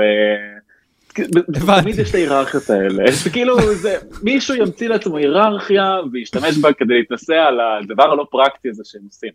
אה, גם, אתה יודע, אני אומר בתור בוגר בצלאל ומי שמלמד במוסדות האחרים, בסופו של דבר האקדמיה, אני אגיד את זה ככה, המטרה שלה היא לא לתת לך בהכרח מקצוע, המטרה שלך היא, המטרה שלה היא לפתוח לך את הראש ולהעשיר אותך. ספציפית לבצל, למוסדות לתקשורת חזותית, תמיד יש איזה פיין ליין, באופן כללי לא רק תקשורת חזותית, אלא כל מקצועות אמנותיים, תמיד יש איזה גבול אפור מאוד מאוד מוזר בין השאלה של האם מטרת האקדמיה להיות הכשרה לתעשייה או מטרת האקדמיה להיות אקדמיה. אני יכול להגיד לך למשל עכשיו שכשאני ניגש לסמסטר הבא שלי ב-HIT, אני כבר עכשיו דיברתי עם אה, צחי טינה, ראש המחלקה, על הרצון שלי להכניס כלי uh, Machine Learning, Image Synthesizers כחלק מקורס קונספט ארט, אבל לא ללמד אותם איך להשתמש במיד ג'רני. למה? למה השתנקת מתי? מה, מה הוא אמר, מה הדינר אמר לך? מה זה? לא, הוא אמר לי, תשמע טוב, בוא נדבר על זה. Uh, בינתיים uh, מתקבל בהבנה, אבל אני, אני לא רוצה ללמד אותם איך, uh, אתה יודע, איך להשתמש בכלי הספציפי, אני רוצה ללמד אותם בעזרת זה איך לחקור יותר טוב, איך to get inspired better, איך... Uh, לגשת בכלל לדבר הזה שהוא, אה, אתה יודע, פיתוח חזותי. זה כלי חיזוק נורא נורא יעיל, אה, ואני יכול להגיד שכבר שנים, כן, אני כאילו דיברתי איתם על מודל, על אה, הגרסאות הראשונות של גוגן עוד לפני 3-4 שנים שהדבר הזה יצא לראשונה, גוגן היה הכלי גן של NVIDIA לג'דרות רקעים. אוקיי. ו- וזה היה כלי שאני זוכר שהעיף לנו מכולם את השכל, אמרתי להם תקשיבו, למה אתם יושבים ומציירים לי עכשיו במשך שלוש שעות רקע ועדיין טועים בתאורה בשביל שאני עכשיו אצטרך לבוא ולהעיר לכם ולתקן אתכם. הנה קיצור דרך, אתם נמצאים בעבודה שבה קיצורי דרך, האפשרות שלכם לייצר עוד גרש, גרסאות, עוד אפשרויות ולפתוח לעצמכם את הראש. קחו את הקיצור. אוקיי. ו... כן. זה גישה אני... מאוד אה, אה, שפויה ל... כן. לדבר אה, מאוד לא פשוט אני חושב. טוב. אני, אה... אני אגיד שזה, יש ויכוחים ערים, גם כאילו אני מרצים אחרים מתווכח על הדבר הזה, עמדתי היא... היא קיצונית לכיוון אחד אני חושב, ויש פה מרחב מאוד גדול לדיון. מה עם התגובות שאתה שומע מאחרים? אמ, אני אגיד שדבר ראשון יש הרבה מאוד בלבול, המרצים היותר שמרנים לא מבינים למה צריך בכלל להתייחס לדבר הזה, אומרים זה לא משנה את הדברים שאנחנו עושים, אה, המרצים הטיפה יותר אה, מקבלים את זה ומסתכלים על השינוי הזה בעין בוחנת אומרים אנחנו עדיין לא צריכים להכניס את זה ככלי למידה בגלל שהם חושבים על זה בתור אה, אני עכשיו צריך ללמוד את זה כמו פוטושופ. אבל הם לא מבינים שזה לא לימוד של תוכנה, זה לימוד של גישה. כן. אה, כן, ויש את אלה שאיתי שאומרים, אה, יש פה, יש פה מהפכה תעשייתית שאנחנו צריכים, אנחנו חייבים להתייחס אליה בתור אנש, מישהו שחלק מהאחריות שלו בסופו של דבר זה להוציא אחרי זה החוצה בוגרים לתוך עולם שבו הדבר הזה קיים. בוגרים מתפרנסים אפילו, הייתי אומר. כן. טוב, אמ, חברים, אני... אני רוצה להגיד שממה שאני רואה, אה, גם אה, מסתובב במסדרונות בצלאל, וגם uh, מהשיחות של זה, אז אופיר מייצג את ה... לפחות כרגע, מה שאני רואה את המיעוט בדעה שלו. אני חושב שאופיר... בצד של אופיר, בצד של אופיר אין, כן. הרבה, אין הרבה, לא צפוף. לא צפוף בחדר של אה, אופיר. אני חושב שאופיר אה, צעיר ואופטימיסט, ואני חושב ש... כן, מאוד צעיר ויותר מדי אופטימיסט. אנשים כן. שהם בשנות ה-40 וה-50 של חייהם ובנו קריירה על סט מסוים של כישורים, שעכשיו מחשב אה, יכול אה, אה, לעשות אותם ביעילות של 200 ל-1, that would really freak them out. כן, אני אגיד שזה עניין של גישה, האמן והמאייר האהוב עליי הוא צרפתי בשם ז'אן ז'ירו, הכינוי שלו זה מוביוס, קומיקסאי ומאייר בחסד, נהדר, אם היה נהדר, נהדר, לקומיקס, כן. הוא היה עליו. כן. אה, מוביוס, אה, סליחה על זה, הוא לא עבד עם, אה, מה שמו, אלחנדרו... על חודורובסקי, כן. על חודורובסקי? נכון. כן, אוקיי. נכון מאוד. כן, כן, הוא. היה חלק מהצוות שעבד על זה, בעקבות העבודה שלו שם אגב, אחרי זה הוא הלך ועשה את הדברים גם של אליאן, אחרי זה בלייד ראנר, יש לו... כבודו במקום המונח. הוא כבר מה, הוא בשנות ה-70 שלו? אז הוא נפטר לפני כמה שנים מסרטן, okay. אוקיי. אבל uh, הוא ממש uh, שנתיים שלוש אם אני לא טועה לפני שהוא נפטר מסרטן, uh, קיבל פוטושופ ולוח וואקום והתחיל לצייר דיגיטלית ובמשך אתה יודע אחרי ש... הוא מאסטר טכני שכל חייו התעסק בעבודה ידנית קלאסית יפייפייה, הוא פשוט קיבל את הכלי החדש הזה הוא אמר מגניב I'll try it out. והוציא לדעתי כמה עבודות הכי כן, בשלות ויפות שלו. יש אנשים כאלה, גם גם דיוויד בוי, בכל הזדמנות שהייתה לו לעשות הסבה לז'אנר מוזיקלי חדש, הוא רק לקח אותו ואימץ אותו בחום, וזה גם מה שהופך אותו למוזיקאי על, ולבן אדם מאוד מיוחד, אבל אבל זה נדיר. רוב האנשים שלומדים מקצוע לאורך ה-20-30 שנה הראשונות של החיים שלהם רוצים לעסוק במקצוע הזה, אה, לאורך השנים הבאות, ואתה אתה יודע, אנחנו מדברים על זה הרבה גם בהקשר של תוכנה, הלימוד לא מפסיק. You're always going to get disrupted, אם אתה לא תתקדם לא בטכנולוגיות ולא בטכניקות, אז, אז, אז לא תהיה לך קריירה ארוכת טווח, ואתה תמצא את עצמך נפלט למשרות עלובות בגיל מאוחר יותר. זה עדיין מפחיד מאוד. אני לא זוכר בתקופת חיי, אני לא זוכר משהו בכזה סדר גודל שפשוט במהירות גבוהה כל כך, הפך, הפך כישרון ייחודי כל כך למשהו שבאמת כבר כנראה לא יצטרכו אותו. בעוד שנתיים כן. שלוש, עד לרמה כזו. זה מדהים שאם היית מסתכל, שואל לפני כמה שנים אנשים איפה תהיה אוטומציה, אז את ה... אתה יודע, אומנות ואיור, היו בטח שמים באחד המקומות האחרונים, היית אומר, אוקיי, אנחנו נראה את המכוניות המעופפות אה, הרבה יותר מהר מאשר נראה מחשב שמצייר אה, כן. אה, ציור מרגש.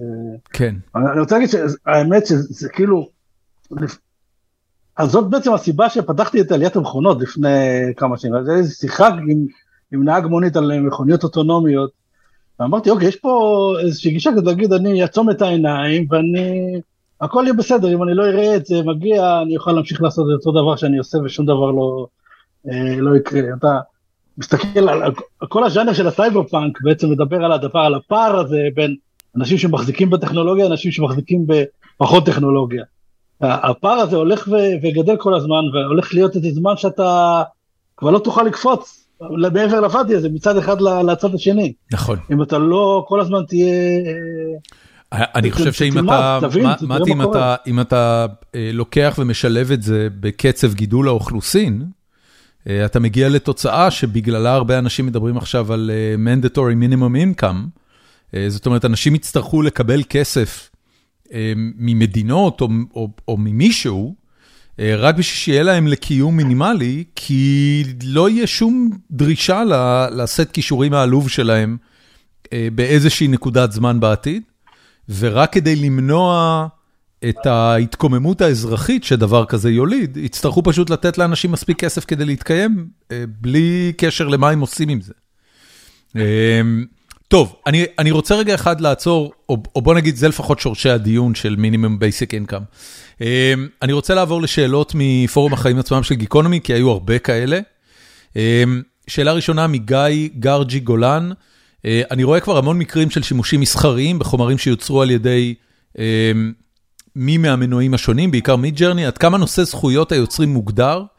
ומה הסיכוי ששני משתמשים יקבלו תוצאות ממש ממש דומות בצורה שתאתגר את המושג, את המושג זכויות יוצרים. מתי, אולי נתחיל ממך. אה, אז אוקיי, קודם כל זה מאתגר את המושג. לדעתי מבחינה משפטית אי אפשר, אה, זאת אומרת, תתבע מישהו שהשתמש במידג'רני, כתב, אה, אני רוצה תמונה של קינג קונג בסגנון אופיר, ואופיר כבר יהיה בתוך הזה וזה יצא, אני לא חושב שאופיר יוכל לתבוע את מידג'רני ולהגיד, למה גנבו את הסגנון שלי אה, ועשו את הקינקו הזה, אני לא חושב שזה יחזיק אה, באופן אה, משפטי, אבל זה באמת, זאת אומרת, מרגיז מאוד, זאת אומרת, צריך לחשוב פה על איזושהי הגדרה מחדש של מה זה המושג של זכויות יוצרים, אבל אני חושב שאם תהיה הגדרה מחדש כזאת, היא תהיה פחות, יותר מקלה, זאת אומרת, פחות, יהיה פחות העניין הזה של זכויות יוצרים, פחות יאכף ופחות זה, כי כל אחד יוכל לייצר אה, תמונות נוספות. אה, אני חושב שאם אתה תעשה תמונה של ג'ורג' קלוני נגיד, ותשתמש בה לקמפיין לחברת קפה שלך, אז אני חושב שג'ורג' קלוני, או, או גם אולי גם חברת קפה יוכלו לתבוע אותך בכל זאת, כי גנבת פה איזשהו משהו שהוא מאוד בסיסי ל... אני לא מומחה בזכויות יוצרים, אבל יש, יש איזה גבול שאתה אה, לא יכול לעבור אותו ולעשות משהו שהוא אה, בבסיס שלו אותו דבר בדיוק כמו משהו שמישהו אחר כבר אה, אה, עשה ובנה עליו את, הדמות שלו ואת הדבר שלו, אני לא, לא יודע להגדיר את זה במדויק. אוקיי. אה, אני אהיה ציני, אה, אני אומר, אני אהיה ציני ואני אגיד שהגבול הזה הוא בסך הכל כמה כוח משפטי יש לך. אה, זה הכל שאלה של האם אני גדול מספיק כדי לתבוע את הבן אדם שעשה את זה. זה, זה, אתה חושב שזה כבר המצב היום אופיר? אני חושב שעדיין לא בגלל שאנחנו לחלוטין במערב הפרוע כרגע.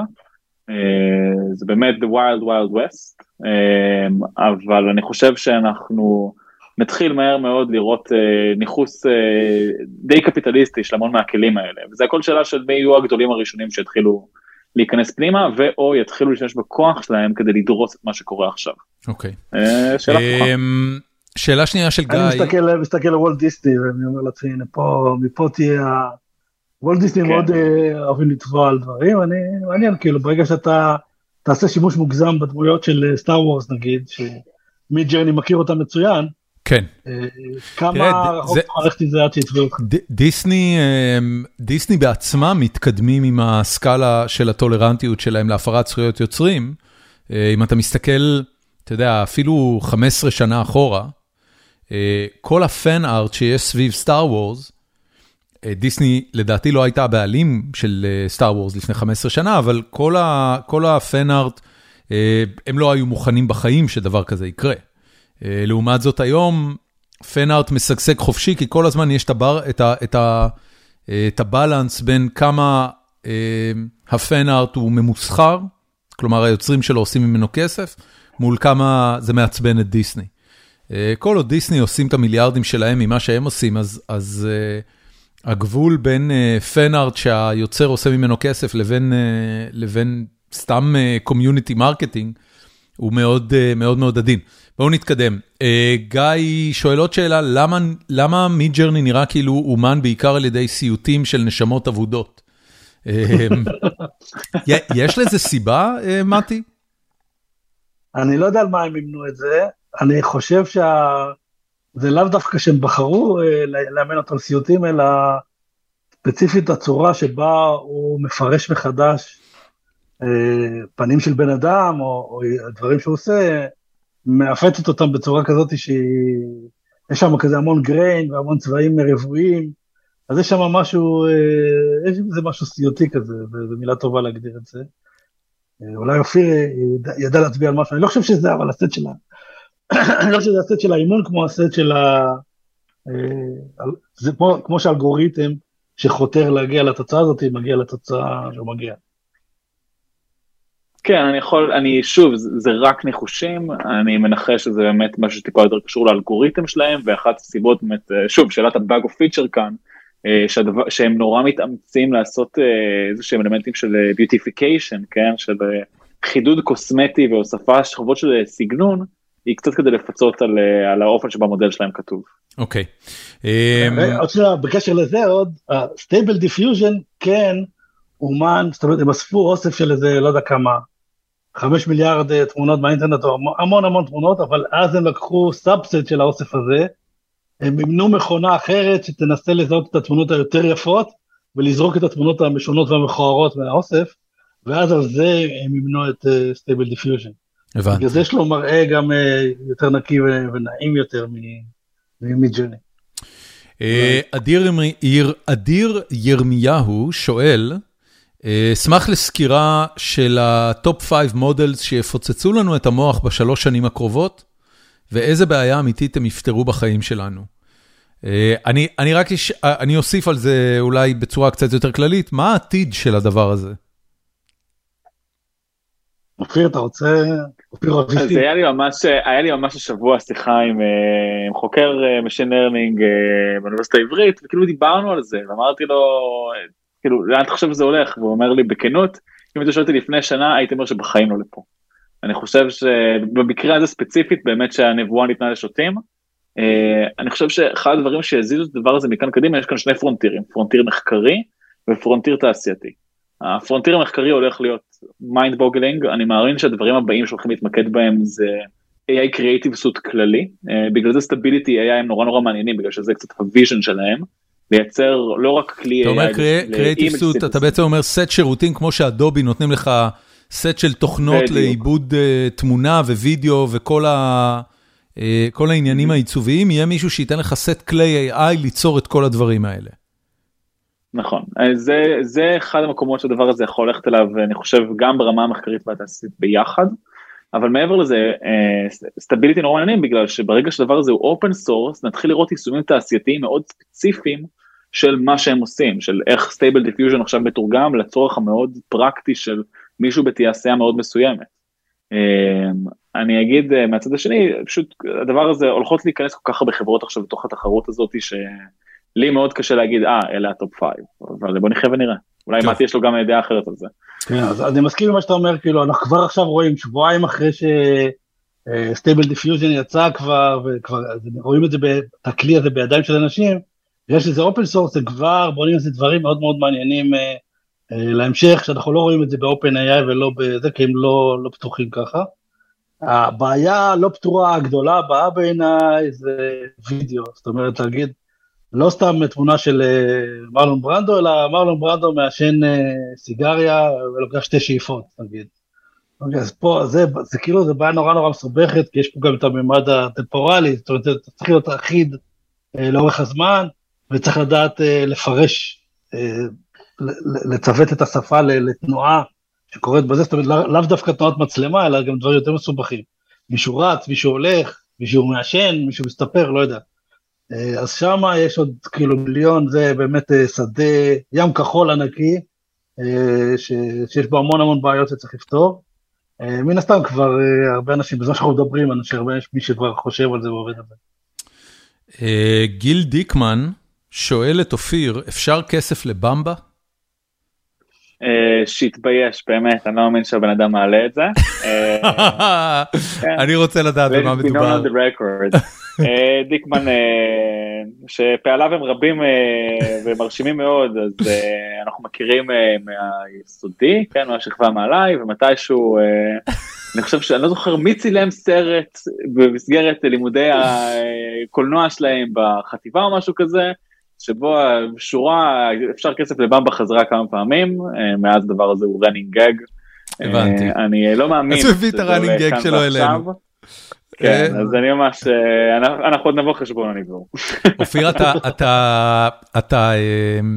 אתה מתגעגע למי שהיית כאדם צעיר, או שאתה כאילו שמת את זה בעבר ואתה שמח שזה בעבר?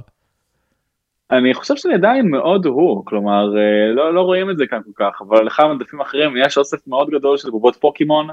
אני, אני חושב שתמיד הייתי גם מבוגר וגם מאוד מאוד ילד, אני רוכב על התפר הזה ואני מאוד, אה, אני מאוד שלם עם, עם עצמי אני חושב בכל נקודה בזמן בהקשר הזה. איזה אני כיף עדיין לך. קצת בן חמש. איזה כיף לך. אמ, טוב, זה פחות או יותר ה... השאלות, שגיב אופק שאל, האם, האם אנחנו בעצם לא צריכים אומנים יותר?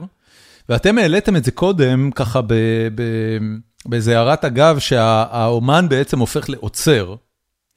אמ, ואני רק אשאל, הרי גם בפוטושופ, כשפוטושופ רק יצא והיו לו כל מיני פילטרים שמאפשרים לעשות כל מיני דברים במהירות, אה, הרבה אומנים אה, קלאסיים, שעושים דברים מאפס על קנבאס, צקצקו ואמרו, זה לא אומנות, אתה מזיז כמה פרמטרים של תוכנת מחשב, והנה אתה מקבל image חדש.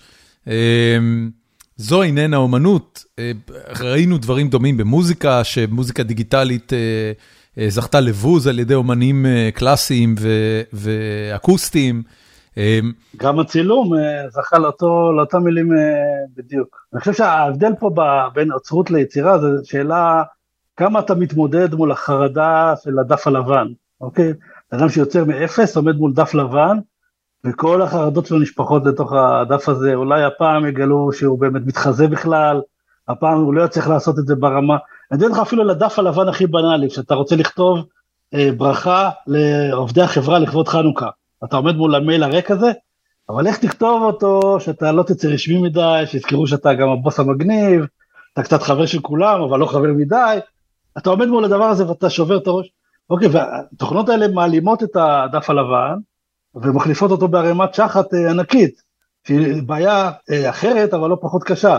זאת אומרת, היא תביא לך עכשיו 30 מכתבים לחנוכה, ועכשיו אתה צריך לבחור מבין ה-30, אוקיי, אבל איזה מכתב מתאר אותי באמת הכי טוב, וזה, אז אתה לא עומד מול אה, דף לבן, אבל אתה עומד מול ערימה ענקית שאתה צריך ליצור בתמחת שלך. אני, אני רוצה, מתי, רגע לגעת במה שאתה אומר, כי אתה אומר בעצם משהו מאוד מעניין. אה, אותו מנהל אה, שצריך לכתוב את האימייל לראש השנה, יושב מול הדף הלבן, אה, ועובר או לא עובר תהליך רגשי עם עצמו. והתהליך הרגשי הזה הוא בעצם תהליך, כמו שאתה מתאר, של אני רוצה להישמע ככה, אבל אני לא רוצה להישמע ככה, ואז אתה כותב איזה ניסוח, ואז אתה מאבד אותו, ואתה עובר איזה תהליך איטרטיבי עם עצמך, שהוא מצד אחד לדייק את הרגשות שלך, ואז לתת את הביטוי שלהם בטקסט על הנייר. אבל אם אני אוכל להזין את מה אני רוצה, במרכאות, את הרגשות שלי, את איך אני רוצה להיתפס, את איך אני רוצה שהטקסט הזה ייראה, uh, uh, compassionate but nice, uh, humorous but not sarcastic וכן הלאה וכן הלאה, אז אני בעצם מגיע למצב שאני צריך להיות הרבה יותר אותנטי עם מה אני רוצה לייצג, ואז המחשב כבר ידע לקחת את זה ולעשות מזה את הטקסט שאני צריך שהוא יעשה. אה, קודם כל השתמשת פה באותנטיות אני לא יודע אם זה אותנטי זה שאתה רוצה להציג את עצמך כקומפשנט לא אומר שאתה באמת קומפשנט. לדייק את הרגשות שלי אתה צודק זה לא אוקיי, אותנטי זה לדייק את הרגשות שלי. האם אתה עומד מול דף לבן שאתה צריך לכתוב בו ארבע רגשות שאתה ממציא מהראש או שעכשיו אני בוחר אותם מתוך אה, רדיו בטנס כזה האם אתה יש לי סליידר אני רוצה להיות יותר קומפשנט או יותר רשע אני רוצה להיות יותר מגניב או יותר אה, שמרני. אז שוב פעם, זה לא, אז עוד פעם זה לא דף לבן, אלא עוד פעם יש לך, אה, אתה עוד פעם אתה יכול לפרק את זה לאותה בעיה. נכון. האם אני מראש, מאפס צריך להגדיר מה אני רוצה להיות, או שאני בוחר מתפריט של אה, אפשרויות ואז הוא כותב לי את המכתב, או כותב לי 100 מכתבים. מעניין מאוד. אבל, אבל זה בעצם, זה, אנחנו בעצם מגיעים לנקודה שאנחנו אומרים, אוקיי, ההתעסקות שלנו באומנות והעבודה של האומן, יותר מכל דבר אחר הולכת להיות, תגיד לתוכנה מה אתה רוצה. תכתוב לתוכנה מה אתה רוצה. ואז תדייק את, את, את המילים האלה, את הבלוק טקסט הזה שמייצג את מה שאתה רוצה, כדי להגיע לתוצרים טובים יותר. אני אגיד שאני חושב שהשלב הזה ספציפית שבו אנחנו מתעסקים בלדייק מילים הוא שלב מאוד זמני בתוך התהליך שלנו. מה אתה חושב כרגע, על התוצאה הסופית? אה, אני חושב שאנחנו נצ... לאט לאט אם דיברנו על דיאלוג עם מכונה כן אנחנו נגיע לשלב שבו הדיאלוג הוא עניין של UX חוויית משתמש. נכון. כרגע הדבר הזה הוא מאוד crude. אתה אתה literally עומד על הברזלים ומסדר אותם. אבל uh, בשלב שבו אנחנו נצליח לייצר מתווכים טובים מתווכים שידעו להגיד לי היי hey, אז uh, הנה הבופה שלך להיום בוא נתחיל לדבר עליו. וכשתצביע לו על אופציה הוא יגיד לך אה ah, האופציה הזאת היא הדבר הזה והזה. האם תרצה לשנות בה משהו מה חשבת על הפרט הזה והזה ברגע שאנחנו נגיע לשלב שבו אנחנו לא רק עסוקים בלחדד מילים אלא המכונה דגה מאיתנו את המילים או משתמשת באיזשהו רכיב של אינטראקציה איתנו כדי לייצר בשביל עצמה את אוצר המילים הנכון הוא שלב הרבה יותר אינטואיטיבי בתוך התהליך הזה. אתה, אתה, אתה חושב שבחירה מתוך עץ אפשרויות היא, היא, היא התקדמות ביחס למודל שפה חופשי? אני חשבתי שאתה הולך לא להגיד שזה יתחבר ישירות לנוירונים וידע לתרגם את תביעת הנוירונים שלנו, אה, או את ה-EEG שלנו לאימג' ויזואלי, ואז אנחנו ממש, המחשב יציג לנו את מה שאנחנו מרגישים. אבל אתה מדבר, אתה מדבר, לא יודע, אני מנסה להבין אם זה שיפור או... כן. אז אני חושב שזה, אני חושב שזה שיפור בגלל שכשאתה תחבר את המח... אתה, זה בדיוק מה שדיברתי מקודם על התרגילים לדמיין את הים. Uh, נכון לרגע זה המחשבה שלך בנוגע לרעיון, בנוגע לאידאה או כל דבר אחר היא אבסטרקטית לחלוטין.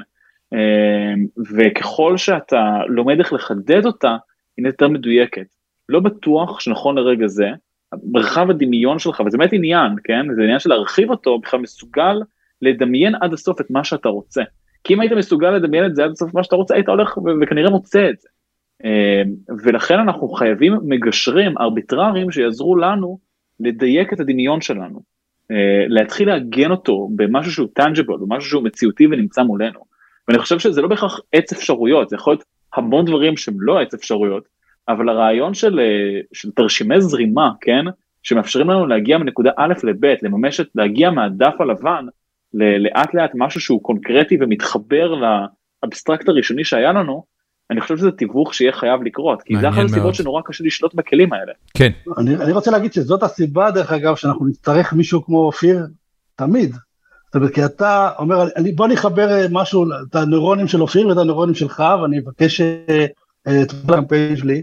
לאופיר יש אה, טעם ודמיון ששחרר אותם במשך עשר שנים, ויש לו סטייל, ויש לו, ומה שהוא ידמיין מבחינת הצבעים וה... אה, והמיקום וכל הדברים האלה יהיה במכה הראשונה יותר מעניין ממה שנשיג מישהו שהוא לא מיומן. זאת אומרת, תחשוב על זה שאתה אתה תצטרך עדיין את הצלם, אבל הצלם לא יצטרך לצאת מהבית, הוא לא יצטרך לקום מהכיסא בשביל לצלם לך את התמונה. אתה עדיין תצטרך את הטעם שלו, ואת ההבנה שלו, ואת הקומפוזיציה שהוא חושב, ואת הרעיונות המטורפים שהוא ספג במשך כל החיים שלו כדי להשיג את התמונה המעניינת, אבל הוא לא יצטרך להעמיד יותר סטודיו ולא יצטרך להביא דוגמנים, הוא יוכל לעשות את הדבר הזה אה, בלי, בלי לקום אה, מהכיסא.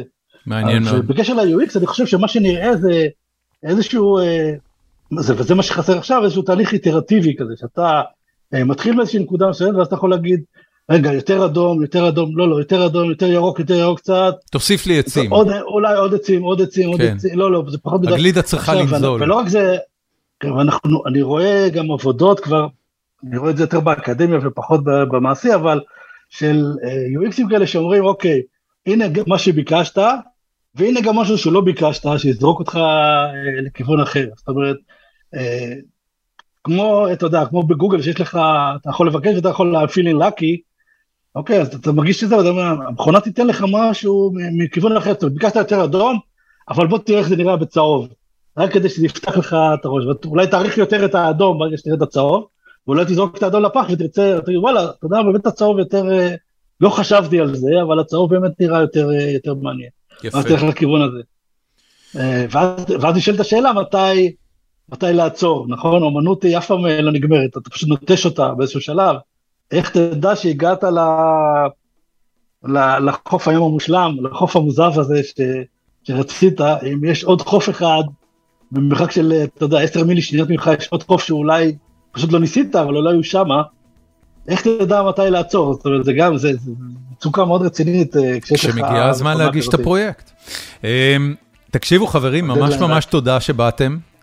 אה, אנחנו פחות או יותר סיימנו. אה, מתי, חוץ מלינק לעליית המכונות, הקבוצה המופלאה שלך בפייסבוק, יש עוד דברים שאתה רוצה להמליץ עליהם? לא, כל, כל, כל אה, הגותי נמצאת בתוך אה, עליית המכונות. יפה. אפשר אופיר, לגלול שם חמש שנים, חמש שנים אחורה. תוכן מעולה אגב. זו הזדמנות בשבילי. להגיד לך תודה רבה. כן, גם ממני תודה רבה. אה, עליית המכונות זה ללא ספק הסיבה היחידה כרגע, אני חושב שאני עדיין חוזר לפייסבוק. אה, אני לא אוהב לשמוע את המשפט הזה, אני ממש אה, מעציב אותי. אני מחזיר אני מחזיר תוקע אנשים אותנו לפייסבוק. בצבורה עם כל הבומרים.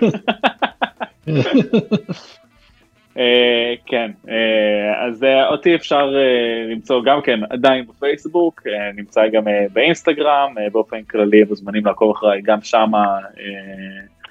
אני, כן, I'm around אני מניח, אין לי איזה משהו גדול מאוד לקדם חוץ תשלח לי רק את הלינקים. כאן. אני אפרסם את זה בעמוד הפרק. אופיר, המון המון תודה, היה לי נורא נעים להכיר. מתי. כרגיל, תודה רבה שבאת. תודה רבה, דורון. זהו, נקווה שלכולנו תהיה עבודה בעוד כמה שנים.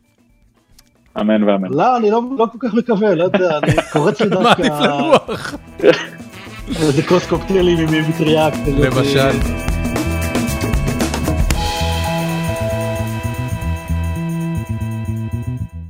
ועד כאן הפרק.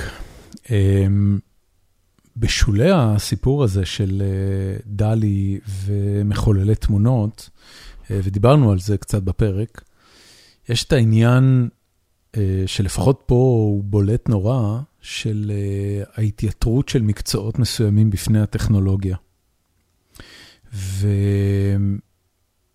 ואני לא זוכר בכל החיים שלי מקרה יותר בולט של, אה, של מקצוע שבבת אחת אה, הולך להתנדף דרך החלון, אה, כמו מה ש-image synthesizers, מחוללי, מסנתזי תמונה, אה, הולך לעשות למאיירים, ולאנשים שהיו משקיעים באמת את, אה, את מיטב השעות שלהם בלייצר ארט, שעכשיו אה, במחי שנה אחת, זאת אומרת ממש בנקודה אחת, פתאום אה, מחשב יכול לייצר במהירות של פי 200.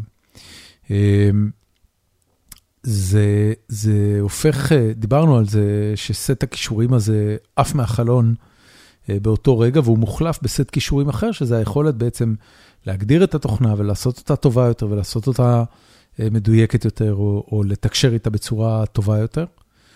אה, ואני לא זוכר משהו שקרה כל כך מהר בטכנולוגיה.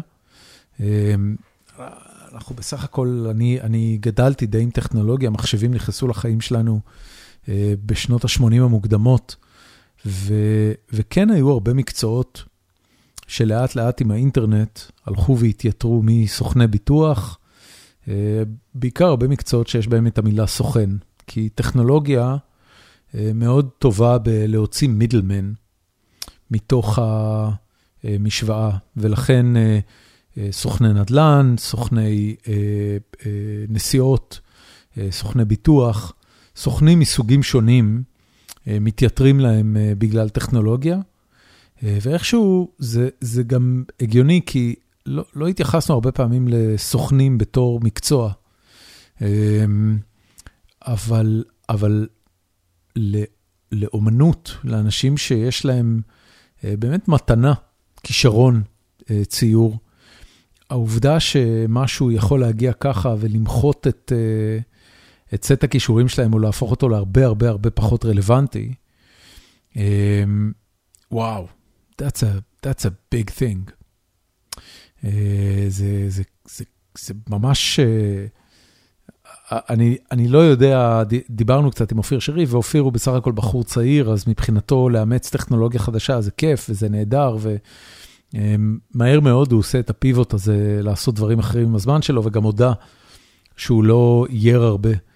אבל אם אתה בן 50 ואם בנית קריירה שלמה בלהיות קונספט uh, ארטיסט, uh, בחברת משחקים או בחברת קולנוע, סטורי בורד וכולי, ופתאום מגיעה תוכנה כזאת שיכולה לייצר בעשר דקות את מה שהיה לוקח לך ימים וש... ושבועות לעבוד עליו. מה עושים עם הדבר הזה? מהו הסקילסט שאתה מפתח במקום זה? זה לא איזה טכנולוגיה שאתה אינקרמנטלית לומד ו... ו... וסבבה, אני מתכנת, אז במקום לתכנת ב-C++, אני עובר לתכנת ב Python, וה products הם קצת שונים, והסביבה היא אולי קצת שונה, ה syntax הוא קצת שונה, אבל בסופו של דבר תכנות זה תכנות, ולגרום למכונה לעשות את מה שאתה רוצה, זה, זה עדיין ה skill set העיקרי שמתכנת צריך. קשה מאוד לדמיין את הסיטואציה הזאת. וזה מביא אותי לזה שבשבועות האחרונים אני בבינג' על Better Call Saul. נמנעתי מלראות את Better Call Saul עד היום, בין היתר כי הסדרה לא הייתה גמורה עדיין, והיו עוד עונות ועוד פרקים, והרגשתי שאם אני אתיישב ל- לצפות בזה, אז אני לא אוכל לעשות בינג' על כל הסדרה במכה אחת, וזה זה ייצר לי מעמסה רגשית בין העונות. ואני כבר לא מוכן למעמסה הרגשית הזאת, אני לא מוכן לזה שאני מסיים עונה ועכשיו אני צריך לחכות חצי שנה, או אפילו יותר מזה כדי לראות את העונה הבאה, זה כבר unacceptable מבחינתי. אז רק עכשיו התחלתי לראות את Better Call Saul ואני בעונה השנייה, ובלי לעשות ספוילרים למי שעדיין לא ראה, הסדרה מבוססת על דמות משנה מהסדרה Breaking Bad, שובר שורות. ו Breaking Bad הייתה סדרת מופת, אחת האהובות עליי בכל הזמנים. ו Better Call Saul, היה לי חשש, ולכן גם נמנעתי מלראות אותה לאורך השנים האלה, היה לי חשש שזה יהיה צל חיוור של, ה, של הסיפור המדהים של Breaking Bad, שבו מורה לכימיה עובר תהליך של הידרדרות. עד להפיכתו לארכי נבל מהגרועים שאפשר לדמיין. והוא עדיין הפרוטגוניסט, זאת אומרת, הוא עדיין עובר את כל המסע הזה, בעוד שהוא הגיבור הראשי של הסדרה. ובטר קול סול, אמרתי, מה הם כבר יכולים לעשות עם הדמות של העורך דין הזה? ואז התחלתי לראות את העונה הראשונה, והעונה הראשונה עוד הייתה ככה על פני השטח, אבל אז העונה השנייה כבר ממש תפסה אותי, והדמויות הדמות שלו קודם כל, מערכת היחסים שלו עם אח שלו הגדול, וכל המתח של איך הוא נהיה עורך דין, והאם הוא עורך דין אצילי ונשגב כמו אח שלו, או שהוא סתם הסלר בזוי שעושה מה שהוא צריך כדי להסתדר. ומערכת היחסים שלו עם השותפה שלו, שהיא גם החברה שלו, סוג של. ו...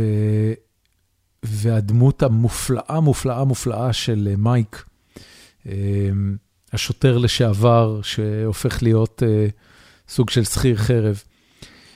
בואנה, הדמויות האלה זה באמת משהו, משהו, משהו, משהו. ווינס גיליגן שיצר את שתי הסדרות האלה, גם את, גם את שובר שורות וגם את Better Call Saul, אני חושב שב Better Call Saul אפילו לקח את הדמויות לעומק שאני לא זוכר שהיה להם ב Breaking Bad. Breaking Bad הוא מרתק בגלל העומק הפסיכולוגי והרגשי שהוא נותן למגוון רחב של אנשים שעושים מעשים איומים ונוראים. ו... ובזה Breaking Bad הייתה מופתית, בזה שהיא אולי קצת כמו הסופרנוס בתורה, לקחה פלקטים של אנשים רעים ונתנה לנו הצצה על מה מתחולל להם בנפש. אבל פה לא מדובר באנשים מאוד רעים, מדובר באנשים שיש סביבנו בכמויות, צבעוניים יותר, צבעוניים פחות, אבל יש להם עולם פסיכולוגי ורגשי עמוק ועשיר, ו, וכל החוויה האנושית מגולמת בתוך ה, המרחב חיים שלהם, שבמקרה של Better Call Saul הוא מרחב חיים של עורך דין. וזה ממש ממש מעולה.